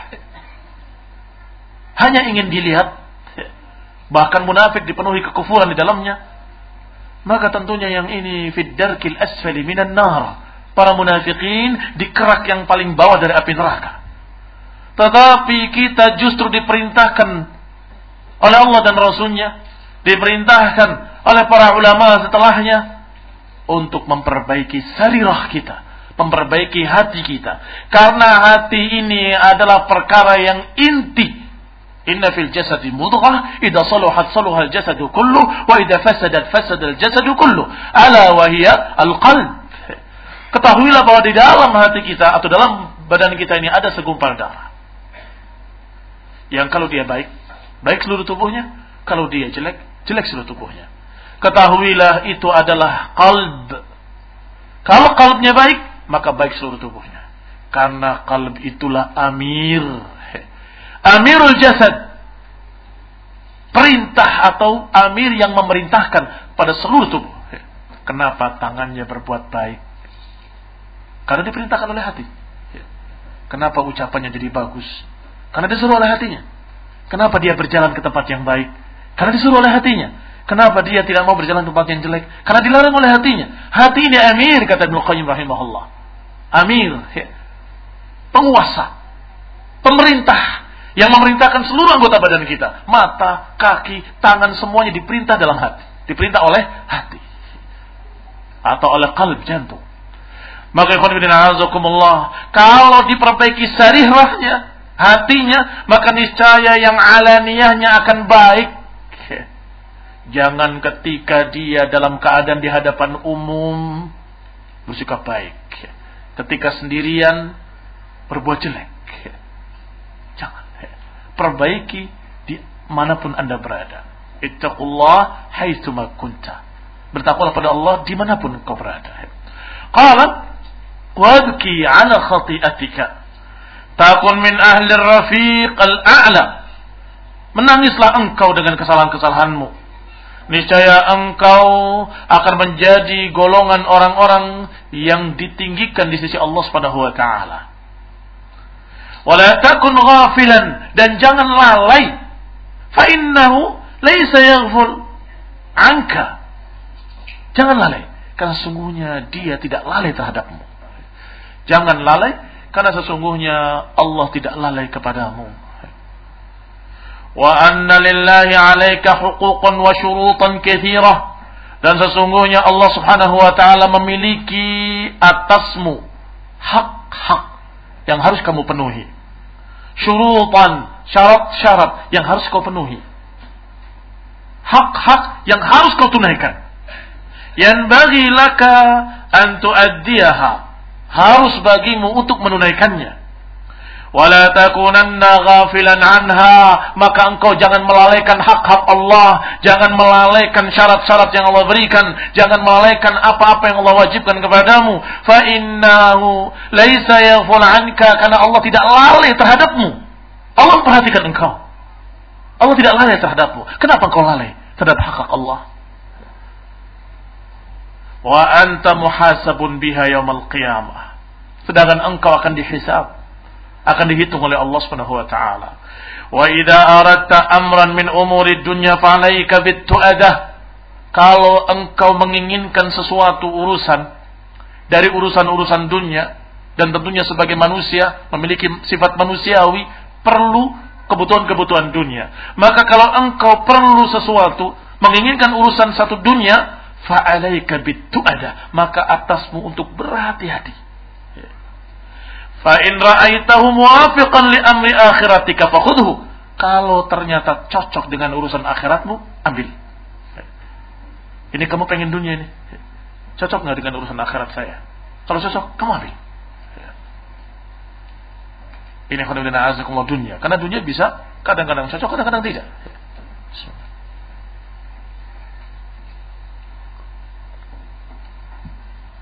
Wa illa faqif anhu. Kalau ternyata tidak cocok dengan akhiratmu, tinggalkan. Karena dunia mubah, bisa diambil, bisa tidak. Maka diambil kalau cocok dengan akhiratmu dan jangan diambil kalau ternyata tidak cocok dengan akhiratmu. Kif'anhu hatta yanzur ila man akhadahu tinggalkan berhenti kamu sampai kau melihat orang yang mengambilnya dan orang yang mengerjakannya. Kaifa amilahu fiha Kaifa amaluhu fiha? Apa yang dia kerjakan terhadap dunia tadi yang kamu tadi tidak berani mengambilnya dan tonton, lihat apa akibatnya. Wa kaifa naja minha dan melihat bagaimana orang itu selamat. Ya. Kalau ternyata tidak selamat, maka kamu alhamdulillah tidak jadi mengambil kemarin. Kalau ternyata selamat, berarti kamu bisa ya, melihat dari pengalaman mereka bahwa ternyata tidak seperti yang diduga. Ya. Was'alillah al-afiyah dan memintalah kepada Allah Subhanahu wa taala keselamatan. Wa idza hamamta bi amrin min umuril akhirah fashammir ilaiha. Kalau engkau bertekad untuk mengamalkan satu perkara-perkara akhirat, fashammir ilaiha, maka segeralah sing-singkan lengan bajumu, berangkat. Wa asri' dan bersegeralah min qabli an yahula bainak wa bainaha. Min qabli an yahula bainaha wa bainak. Asy-syaitan. Sebelum engkau dihalangi oleh syaitan. Oleh Imam Sauri dibandingkan rahimahullah Dibandingkan kalau kamu ingin melakukan sesuatu dari urusan dunia dan engkau menginginkan sesuatu dari urusan akhirat. Bedakan. Kalau menginginkan dari dunia dengan ada dengan kehati-hatian yang sangat, dengan teliti, mencocoki akhiratmu atau tidak, mendukung agamamu atau tidak. Kalau melalaikan agamamu jangan. Kalau di dalamnya berbagai macam penyimpangan-penyimpangan, terpaksa kamu harus begini, terpaksa harus begitu, terpaksa, terpaksa, terpaksa, maka jangan karena mengambilnya nggak harus, nggak dipaksa, kenapa bilang terpaksa? Tinggalkan. Tetapi kalau akhirat, tidak usah. Tidak usah bertanya-tanya apakah baik atau tidak baik. Pasti baik. Kalau sudah ada dalilnya Quran dan Sunnah, sudah ada bimbingan para ulama ahli sunnah, maka kerjakan. Begitu kamu ada keinginan, syamir ilaiha. Segera lengsak, sing-singkan dengan bajumu, berangkat. Jangan ditunda-tunda asri' bersegera dan itu perintahnya banyak dalam Quran dan Sunnah apakah perintah Allah wasari'u ila maghfiratin min rabbikum bersegeralah untuk mendapatkan rahmat dari Rabbmu disuruh bersegera demikian pula ucapan Allah fastabiqul khairat berlomba-lombalah dengan kebaikan Begitu juga perintah Allah, wa bidzalika falyatanafasil mutanafisun dan untuk itu hendaklah mereka berlomba-lomba. Untuk apa? untuk akhirat, untuk jannah. Maka kalau amalan saleh segera. Kalau dunia hati-hati, berpikir dengan masak, lihat hitung-hitungan akhiratnya. Bukan hitung-hitungan dunianya, untung berapa, rugi berapa, tapi hitung akhiratnya. Apakah baik bukan akhiratmu atau malah menghalangi akhiratmu? Bitu ada. Adapun akhirat syamir ilaiha, asri' ilaiha min khadri an yahula bainaka wa bainak syaitan sebelum dihalangi oleh syaitan. Kalau nanti, nanti, nanti syaitan akan menghalangi. Ya. Akan mengerahkan tentaranya yang berkuda dan berjalan kaki dari jin dan manusia untuk menghalangi engkau. Aku berniat untuk berbuat baik ini. Tapi saya pikir-pikir dulu lah. Tunda sehari, dua hari, tiga hari, seminggu, dua minggu, sebulan. Jangankan sampai sebulan, mungkin hari keesokannya ketika syaitan tahu kamu akan bersodakoh sebesar itu, datang. Anakmu atau istrimu, ini kita butuh ini, butuh itu. Yang tadinya tidak, tiba-tiba muncul. Siapa yang ngasih tahu ini orang? Siapa yang bisiki? Kok tiba-tiba bicara ini, bicara ini, semuanya membutuhkan dana besar. Tiba-tiba syaitan menghalangi dalam bentuk lain tiba-tiba terjadi apa yang terjadi ya. yang merugikan hartanya tiba-tiba jatuh tidak jadi dia bersedekah. Jatuh bangkrut hilang hartanya kalau kemarin diberikan hartanya tidak berkurang tidak berkurang karena itu tetap di sisi Allah pahalanya ya. ada satu riwayat yang masya Allah ketika Aisyah ya, diperintahkan oleh Rasulullah SAW untuk memasak daging dan untuk dibagikan. Ketika Rasulullah SAW datang, ditanya, hal baqiya min hasyai kata Nabi. Dijawab, ma baqiya illa hadha. Tidak tersisa kecuali ini ya Rasulullah. Tidak sedikit. Itu dibagikan semua. Dijawab oleh Nabi, kullun yabqa illa hadha. Dijawab, ketika oleh Aisyah tidak tersisa kecuali ini. Kata Nabi, semua tersisa kecuali ini. Iya kan? Semua yang illa hada. Ketika dia jawab, ma baqiya illa dibalik oleh Nabi. Kullun yabqa. Semua yang bakia. Yang tersisa itu yang dibagikan. Tersisa insya Allah nggak akan habis. Ini yang bakal habis. Kita makan. Ya. Kullun yabqa illa hadha. Ya.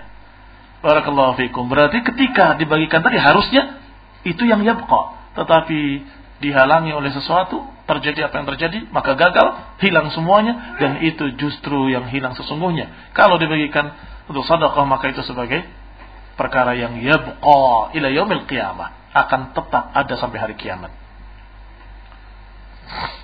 Sampai jam berapa? Pertanyaannya? Duhurnya jam berapa dulu? 11.50 Pertanyaan 10 menit aja ya Hah? Oh ini mati Wah penipuan gitu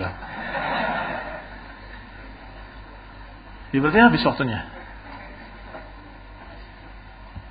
Khairan insyaAllah. Belum sampai titik tadi. Masih ada dua halaman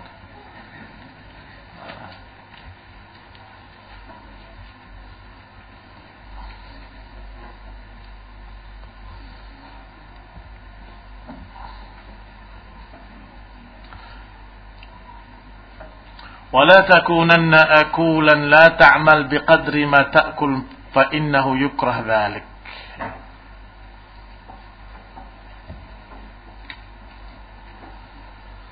Janganlah engkau menjadi akulan banyak makan.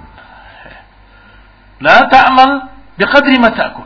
Tetapi tidak beramal sesuai dengan yang kamu makan. Makannya sekian, kerjanya sekian. Enggak imbang. Fa'innahu yukrah dhalik. Yang demikian makruh. Makan banyak, kerjanya sedikit. Wala ta'kul bighairi niyatin wala bighairi syahwah. Dan jangan makan kalau tidak niat atau tidak punya syahwat. Jangan. Jangan dipaksa makan. Nah. Termasuk bentuk-bentuk orang yang tidak punya syahwat nggak punya niat makan bersandar makannya.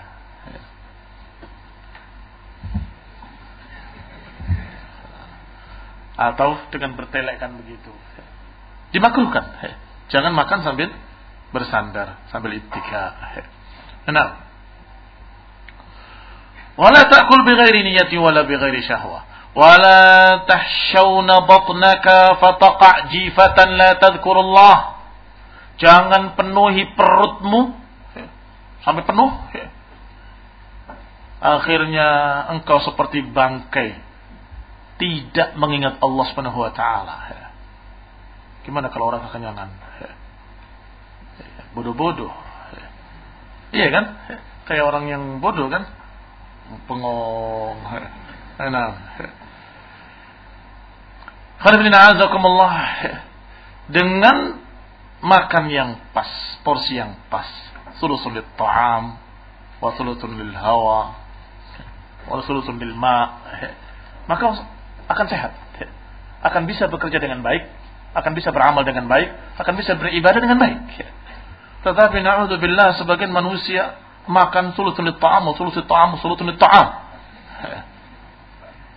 Wal ma'u litaysir wal hawa'u fima ba'd. Air hanya untuk melancarkan, Hawa nanti aja. Ba'din. Akhirnya apa? Nggak bisa berpikir. Maunya tidur. Nggak bisa bangun malam.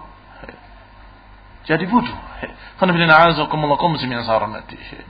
Demikian diajarkan oleh para ulama di antara Sufyan ats-Tsauri rahimahullah. Qala wa akthir min al-hammi wal hazan فإن أكثر ما يجد المؤمن في كتابه من الحسنات الهم والحزن perbanyaklah kesedihan artinya memikirkan bagaimana keadaan kita yang qiyamah kita banyak dosa banyak kesalahan banyak kekurangan ya ini dengan makna yang seperti itu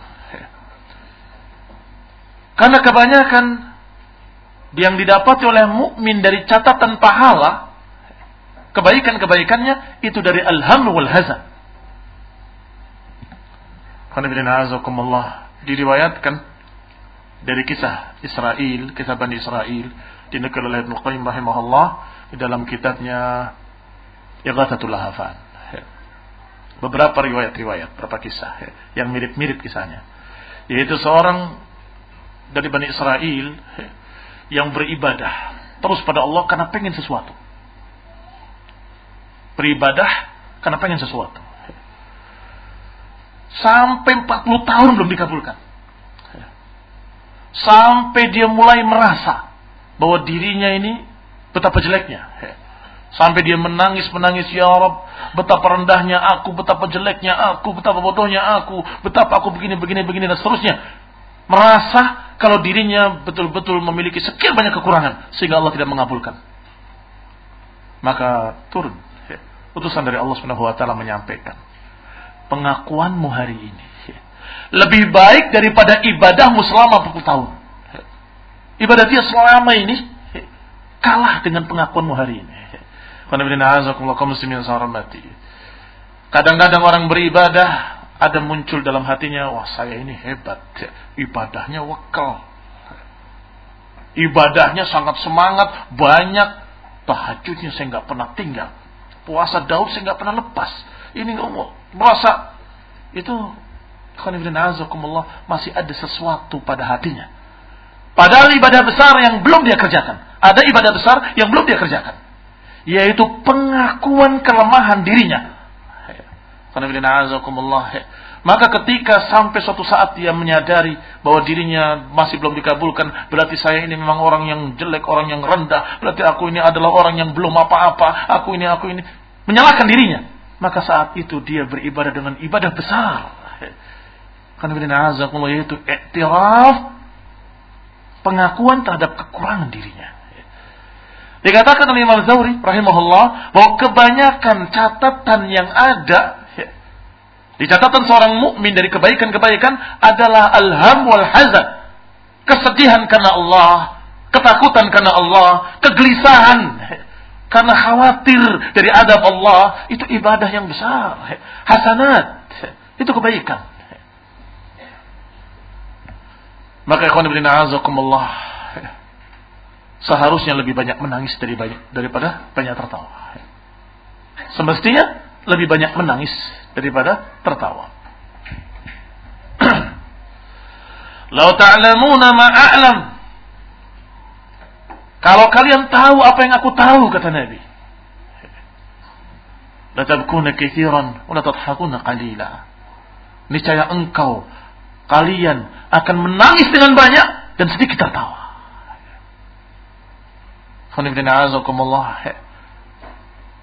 Kama ruya sebagaimana diriwayatkan kama qala sallallahu alaihi wa ala alihi wasallam dikatakan bahwasanya kalau kalian tahu apa yang diketahui oleh Rasulullah SAW artinya masalahnya ilmu kalau kita kenal Allah dan kenal dengan apa yang Allah janjikan dan kenal pula apa yang Allah ancamkan, dia tahu betul tentang surga dan neraka dengan yakin, niscaya akan banyak menangis daripada banyak tertawa. Akan banyak menangis. Siapa di antara kita yang selamat dari dosa? Siapa di antara kita yang mulus, nggak pernah punya kekeliruan dan kesalahan? Maka siapa yang menghisap dirinya, dia akan lebih banyak menangis daripada tertawa. Kaum muslimin yang saya hormati. Maka kata beliau, "Akthir minal hammi wal hazan, fa inna akthara ma yajidul mu'min fi kitabihi minal hasanat al-ham wal hazan." Perbanyaklah al-ham wal hazan karena kebanyakan catatan seorang mukmin, catatan kebaikannya adalah pada kesedihan dan kegelisahannya. Maka wa tama' fi ma fi aidin nas dan hati-hati engkau dari tamak kepada apa yang ada di tangan-tangan manusia. Jangan menginginkan apa yang di tangan orang oh si pulan enak ya. Coba kalau aku mendapatkan yang seperti itu. Atau coba kalau si pulan ngasih saya. Ya. jangan. Ada tamak mafi aidin nas. Tamak menginginkan apa yang ada di tangan orang lain. Fa inna tam'a karena ketamakan seperti itu akan membawa kebinasaan. Wa iyyaka war-raghbah fa inna raghbah dan hati-hati engkau dari kerakusan karena kerakusan itu akan mengeraskan hati. Wa iya kawal hors. Dan hati-hati engkau jangan terlalu semangat dengan dunia. Al-hurs ala dunia. Fa innal hurs mimma yufdihun nas yaumil qiyamah karena ambisi terhadap dunia itu akan menyebabkan manusia dipermalukan di hadapan Allah yaumil qiyamah. Ambisi terhadap dunia ini akan menyebabkan seseorang dipermalukan di hadapan Allah nanti yaumil qiyamah. Wa kun tahiral qalbi naqiyul jasadi minad dunubi wal khataya. Jadilah engkau bersih hatinya, bersih badannya dari dosa-dosa dan kesalahan-kesalahan. Naqil yadaini minal madhalim. Bersihkan kedua tangan dari berbagai macam kezaliman-kezaliman.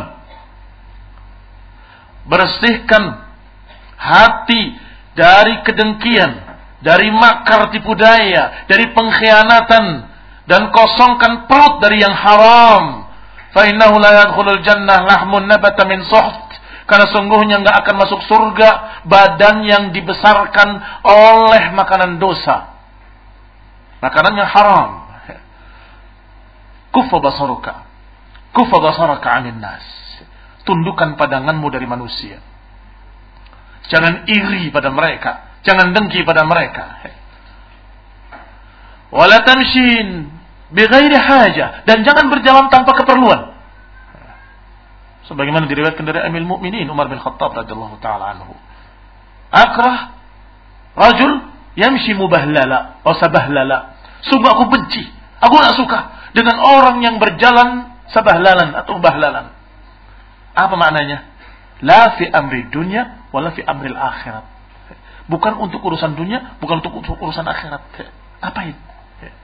nganggur. Beramal dengan amal yang seperti itu, amal yang ubah lalat. Atau berjalan dengan ubah lalat. Maka ini adalah orang yang subhanallah mengerjakan sesuatu yang tidak disukai, sesuatu yang dibenci. Ngapain? Untuk ada perluan dunia? Enggak. Atau ada pengajian atau urusan akhirat? Enggak. Mau ngapain? Ya, mau jalan-jalan aja.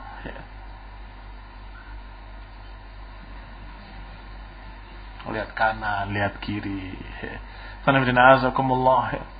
Lamun, sana lihat kanan, lihat kiri, lihat orang jalan, lihat orang gemuk, lihat orang kurus, lihat perempuan, lihat apa lagi? Cuci mata. Ngotori mata bukan cuci mata. Barakallahu fikum. Maka jangan berjalan bighairi hajah. Wala takallaman bighairi hikam. Dan jangan berbicara dengan tanpa hikmah wala tabtish yadaka ila ma laysa lak dan jangan gerakkan tanganmu untuk sesuatu yang bukan milikmu. Wa kun khaifan hazinan dan jadilah engkau seorang yang takut, seorang yang sedih terhadap apa yang tersisa dari umurmu. La min amri dinik dan engkau tidak tahu bagaimana urusan agamamu besok. Jadilah engkau orang yang takut, khawatir, sedih terhadap agamamu, terhadap umurmu yang tersisa. Engkau tidak tahu bagaimana keadaan besok. Urusan agamamu, ini bisa jadi engkau istiqamah, bisa jadi pula na'udzubillah, berubah. Hati-hati. Jangan merasa tenang. Wa iyyaka an tali nafsaka minal amanati syai'a dan jangan meremehkan, jangan menggampangkan amanah sedikit pun Wa kaifa taliha wa qad sammaka Allahu dhaluman jahula. Bagaimana kamu menganggap enteng amanah padahal engkau dijuluki oleh Allah Subhanahu wa taala dengan dhaluman jahula. Manusia dikatakan dalam Al-Qur'an sebagai dhaluman jahula. Manusia dhalum, jahul, banyak bodohnya, banyak zalimnya. Maka jangan anggap enteng amanah. Apalagi rebutan. Itu keterlaluan.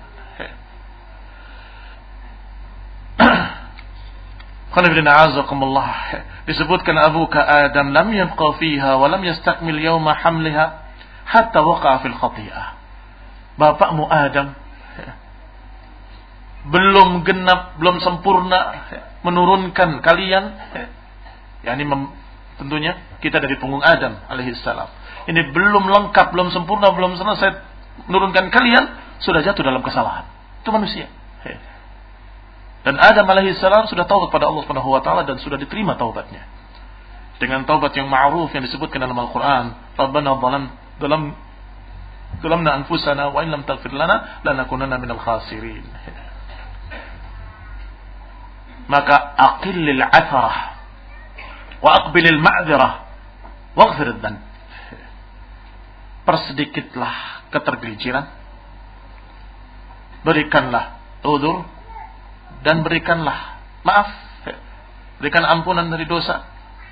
Kun mimman yurja khairuhu. Jadilah engkau sebagai orang yang diharapkan kebaikannya. Wa yu'man syarruhu. Dan aman dari kejahatannya. Jadilah kita semua seorang yang diharapkan kebaikannya dan tidak dikhawatirkan kejelekannya. Jadilah kita seperti itu. Astagfirullahaladzim. Karena waktu yang terbatas barakallahu fikum. Kita cukupkan sampai di sini. Bisa dilanjutkan insyaallah oleh ustadukum Saudara Abdurrahman Mubarak billahi taala. Semoga memberikan taufik dan hidayah, memberikan manfaat, memberikan rahmah, memberikan kepada kita hidayah dan taufik.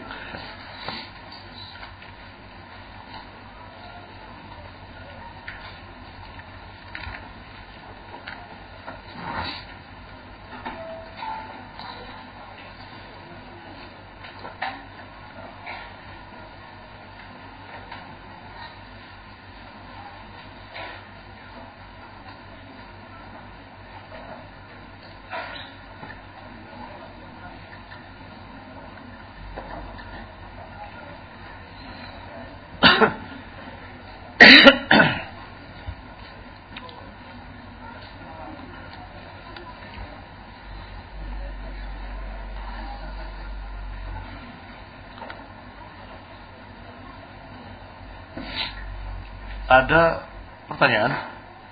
Bolehkah seorang dai salafi mengajarkan kitab yang ditulis oleh Syekh Hizbi? Jangan. Jangan. Madam selama di sana ada kitab-kitab para ulama al-ma'rufin, al-masyhurin, ma'ruf bi ilmihi, ma'ruf bi istiqamatihi, maka kenapa kita harus pakai buku-buku hizbi? Yang bisa jadi dalamnya sekian banyak syubhat yang mungkin terasa atau tidak terasa. Bolehkah kita menerjemahkannya? Sama saja. Jangan menerjemahkannya.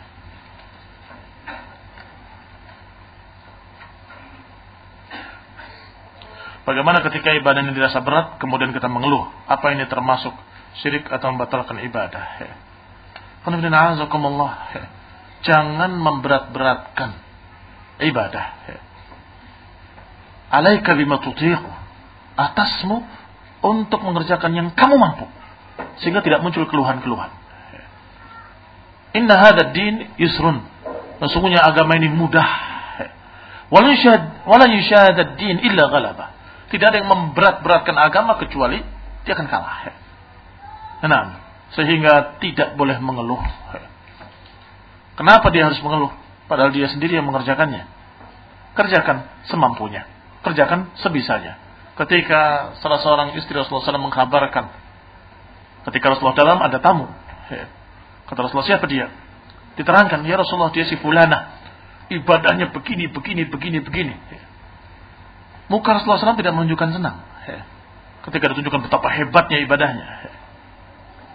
Beliau menyatakan, Alaikum mimma tutiqun. Atas kalian untuk mengerjakan yang kalian mampu. Jangan memberat-beratkan.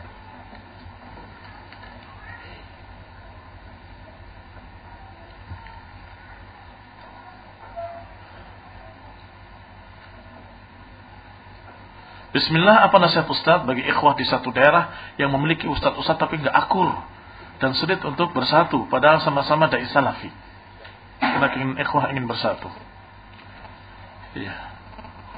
Terjadi yang seperti itu. Yang jelas kalian sebagai santri, sebagai talibul ilm mengambil ilmu. Jangan ikut mengurusi perkara-perkara yang terjadi di antara mereka. Ambil ilmu ke sana, ambil ilmu ke sini. Kalau dua-duanya ahli sunnah. Dua-duanya salafi. Dua-duanya bersama para ulama ahli sunnah. Kecuali kalau yang satu sudah ditahdir oleh para ulama. Atau mengikut orang yang sudah ditahdir oleh para ulama. Saat itu kita bisa memilih. Yang lebih selamat. Nah, barakallahu fikum.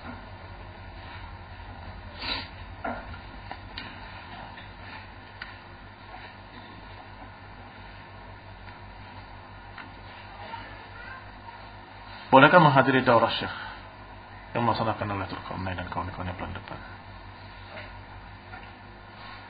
Bolehkah kuliah di Libya dengan cara online? Sebagai sama-sama manusia.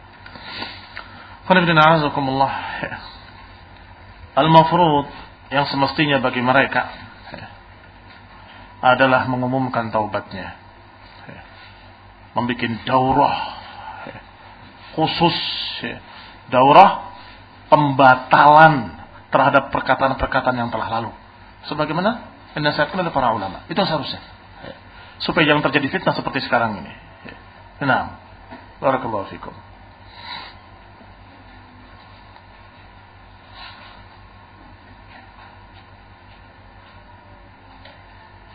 Bagaimana dengan ikhwah yang tidak mau taklim karena tidak cocok dengan panitianya? Padahal rumahnya dekat dengan taklim tersebut. Padahal pembicaranya Ustaz Ahlu Sunnah. Sering terjadi seperti ini. Dan sudah saya sering nasihati berkali-kali. Kenapa kamu karena jengkel sama si fulan, akhirnya kamu nggak mendapatkan ilmu? Siapa yang rugi? Si fulan gak rugi. Panitianya dapat pahala. Masya Allah, kamunya rugi. Kenapa nggak dapat ilmu? Nggak mendapatkan barokah majlis. Nggak mendapatkan doanya para malaikat di majlis tersebut. Maka itu adalah kebodohan. Rugi sendiri. Sampai dia tanya, tak tegur, jawabannya, kalau Ustaz ngisi masjid lain saya hadir. Astagfirullah. Ini watak yang nggak bagus. Watak yang nggak bagus terlalu keras seperti itu terhadap saudaranya, padahal kadang-kadang permasalahannya masalah dunia.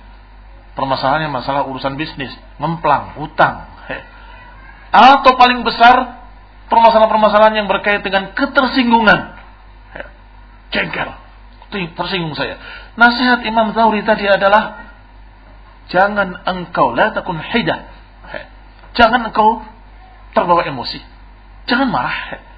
Orang marah, orang emosi, berpikirnya nggak tepat, berpikirnya nggak wajar, berpikirnya ngawur, sampai merugikan ilmu hanya karena jengkel, hanya karena marah. Pokoknya saya nggak mau nginjak masjidnya sama sekali. Padahal masjid ahlu sunnah. Yang datangnya para asetir ahlu sunnah. Dia nggak mau. Kenapa? Karena waktu bangunan masjid ribut. Saya maunya begini, dia maunya begitu, dan dia kalah. Jengkel, kalau gitu saya tidak mau nginjak lagi. Abadan. Ini azakumullah yang dinasehatkan oleh para ulama untuk jangan, jangan, jangan. Bahkan dinasehatkan oleh Rasulullah, la taghdab, la taghdab, la taghdab. Jangan emosi, jangan marah, jangan marah, jangan marah.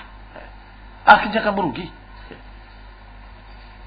Serahkan pada Allah Subhanahu wa taala, Allah yang akan menghisabnya. Kalau itu adalah kamu terdolimi misalnya, ikhlaskan. Jadi pahala di sisi Allah taala.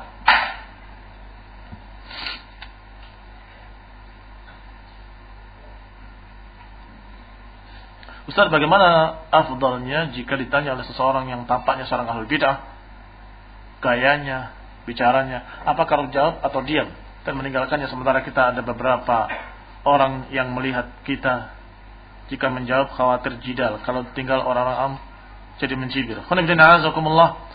Di sini disebutkan dengan kalimat tampaknya seorang ahli bid'ah. Eh, artinya belum yakin kan? Dengan tanda-tandanya dan bahasa-bahasanya, bukan orang yang terkenal. Kalau orang yang terkenal bahwa dia fulan mau mubtadi' dhalah tinggalkan. Ya. Sebelum dia ngomong kamu tinggal. Ya. Saya mau ber kamu udah pergi. Ya. Baru mau tanya gitu saya mau tanya, udah pergi. Udah hilang. Dan itu nasihatnya Syekh Muhammad bin Hadi ketika bicara masalah hajuri. Jangan boleh datang ke tempatmu. Usir dia sebelum bicara. Usir dia sebelum bicara. Nah. Baik, maka kita hadapi kalau orang yang kayak kayaknya ini orang memang sepertinya ahli bid'ah, bahkan mau jidal. Maka jawab dengan singkat kemudian tinggal. Ya. Jangan mau terbawa debat. Ya. Kalau kamu bisa menjawab, ya. jawab dengan singkat. Selesai. Bahwa itu adalah bid'ah muhdatsah. Kamu pergi. Itu haram dikatakan oleh para ulama, secara sepakat bahwa itu haram. Tinggalkan. Tapi itu kan terserah kamu. Itu jawaban saya. Titik. Jangan dilayani. Artinya sesuai dengan nasihat Syekh Al-Albani dan lain-lain, ilqi kalimata kuamshi. Sampaikan ucapanmu jalan. Kalau kamu bisa menjawab dengan ringkas. Kalau kamu nggak bisa, tanyakan sama ustaz saya. Itu aja. Ya.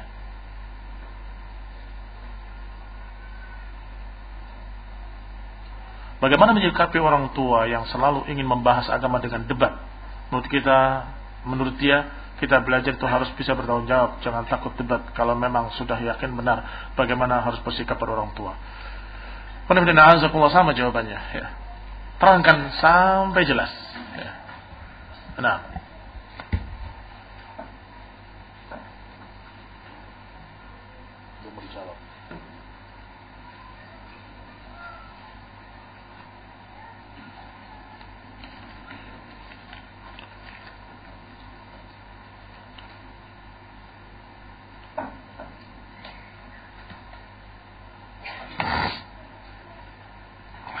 Bagaimana persiapan belajar ke Yaman dari sisi keilmuan? Apakah harus terlebih dahulu bisa bahasa Arab? Sebaiknya begitu. Ya. Karena sebagian orang yang berangkat dalam keadaan belum bisa bahasa Arab merepotkan ikhwan kita sendiri di sana. Ya. Ada teman-teman kita yang sedang belajar terganggu dengan dia. Ya. Apa tadi? Apa tadi? Maksudnya itu? Maksudnya itu? Setelah pulang merepotkan. Ya. Jadi sebaiknya belajar bahasa Arab dengan baik. Ya. Kemudian berangkat. Dan juga kedewasaan. Kalau masih kekanak-kanakan jangan. Sebab di sana tidak seperti pondok-pondok kita di sini. Yang diawasi dan sebagainya dan ketat. Di sana CBSA. Cara belajar siswa aktif. Jadi kalau malas-malasan ya nggak ketahuan aman-aman saja. Tetapi rugi dia jauh-jauh ke sana dalam keadaan seperti itu. Sehingga kalau bisa memiliki kedewasaan dan memiliki bahasa Arab yang cukup lah sehingga perlu sampai uh, alim. Yang penting sedikit punya dasar-dasar bahasa Arab sehingga orang ngomong tidak terlalu jauh dari apa yang dia pahami. Apakah cukup kita menuntut ilmu dengan taklim seminggu sekali? Kurang walaupun tiap hari. Kurang walaupun tiap hari. Jangankan seminggu sekali. Ilmu itu, kata para ulama, memiliki sekian wadi. Al-ilm. Ya. Memiliki sekian wadi. Satu lembahnya kamu arungi seumur hidupmu, nggak akan selesai. Ya. Kira-kira gimana? Ya, seminggu sekali atau sebulan sekali? Satu lembahnya itu nggak akan selesai sampai kita mati.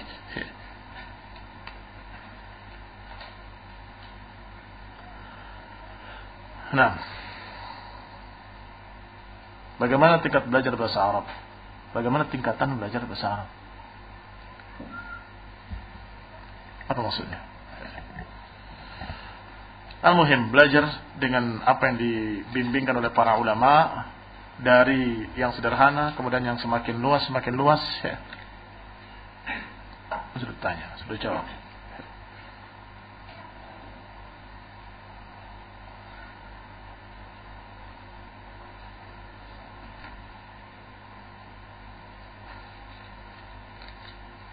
Apabila diundang kajian yang panitianya orang yang gak jelas tapi mengaku salafi, apakah kita mendatanginya? Ila ma la yaribuk. Ini kan gak jelas kan? Nah, kata Imam Sauri tadi, Nam dak kathiran. Tinggalkan kebanyakan apa yang meragukan kamu kepada apa yang tidak meragukan kamu. Sebagaimana diriwayatkan, da'ma yaribuk ila ma la yaribuk. Ngaku salafi itu banyak. Hatta sufi ngaku salafi. Pondoknya pondok salafiyah. Ternyata ngajarkannya sihir. Iya, pondok salafiyah tertulis. Tapi ngajarkannya seperti di kuburan. Dan kemudian tiba-tiba datang sosok-sosok sesuatu. Nah, apa hukum meminum sofran atau soprang? Apa itu? Tidak tahu. Hah? Sofran. Sofran. Bahkan diganti soprang. Allah alam.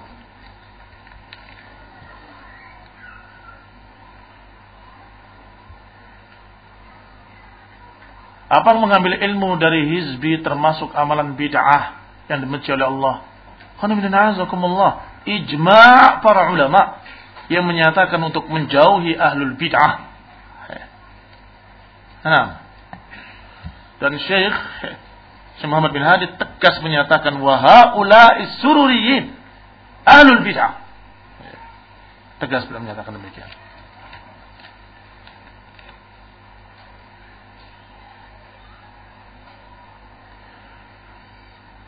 Tentang fenomena dari mana kaum muslimin beramai-ramai menggeser arah kiblat lima derajat ke arah kanan, apakah hal ini benar? Saya juga nggak tahu. Atas dasar apa? Nggak ngerti. Sekarang sudah banyak alat-alat canggih untuk menunjukkan arah kok. Jangan ke arah kiblat. Arah Ka'bahnya di mana kelihatan? Ya. Sekarang ini dengan berbagai macam kemajuan-kemajuan mereka, ya, teknologi bisa. Ya. Bahkan dengan HP-HP kalian bisa diketahui di mana arah kiblat. Nah,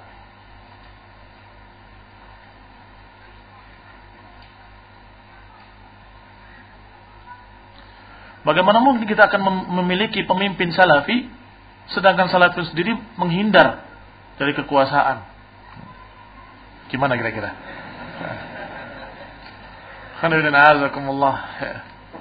Kita berharap semoga masyarakat Indonesia menjadi salafi. Iya. Bukan menginginkan saya jadi pemimpin salafi atau bukan. Menginginkan masyarakat Indonesia menjadi masyarakat ahli sunnah. Otomatis pemimpinnya ahli sunnah. Nah, kalau sekarang pemimpinnya salafi, oh ada partai salafi, gimana kira-kira? Bisa dia memimpin menegakkan syariat Islam di Indonesia? Di demo rame-rame. Kenapa? Karena mayoritasnya dalam keadaan tidak mengerti apa itu salaf, apa itu sunnah, apa harusnya, apa kewajibannya, nggak paham. Maka yang kita pikirkan adalah menyebarkan dakwah salafiyah, mengajarkan mereka tauhid, mengajarkan mereka sunnah, mengajarkan mereka usul ahli sunnah. Itu yang kita pikirkan. Tidak memikirkan bagaimana kekuasaan harus kita rebut. Nah, otomatis kalau masyarakatnya muslimin, pimpinannya muslimin. Kalau masyarakatnya pencuri, pimpinannya pencuri. Otomatis itu.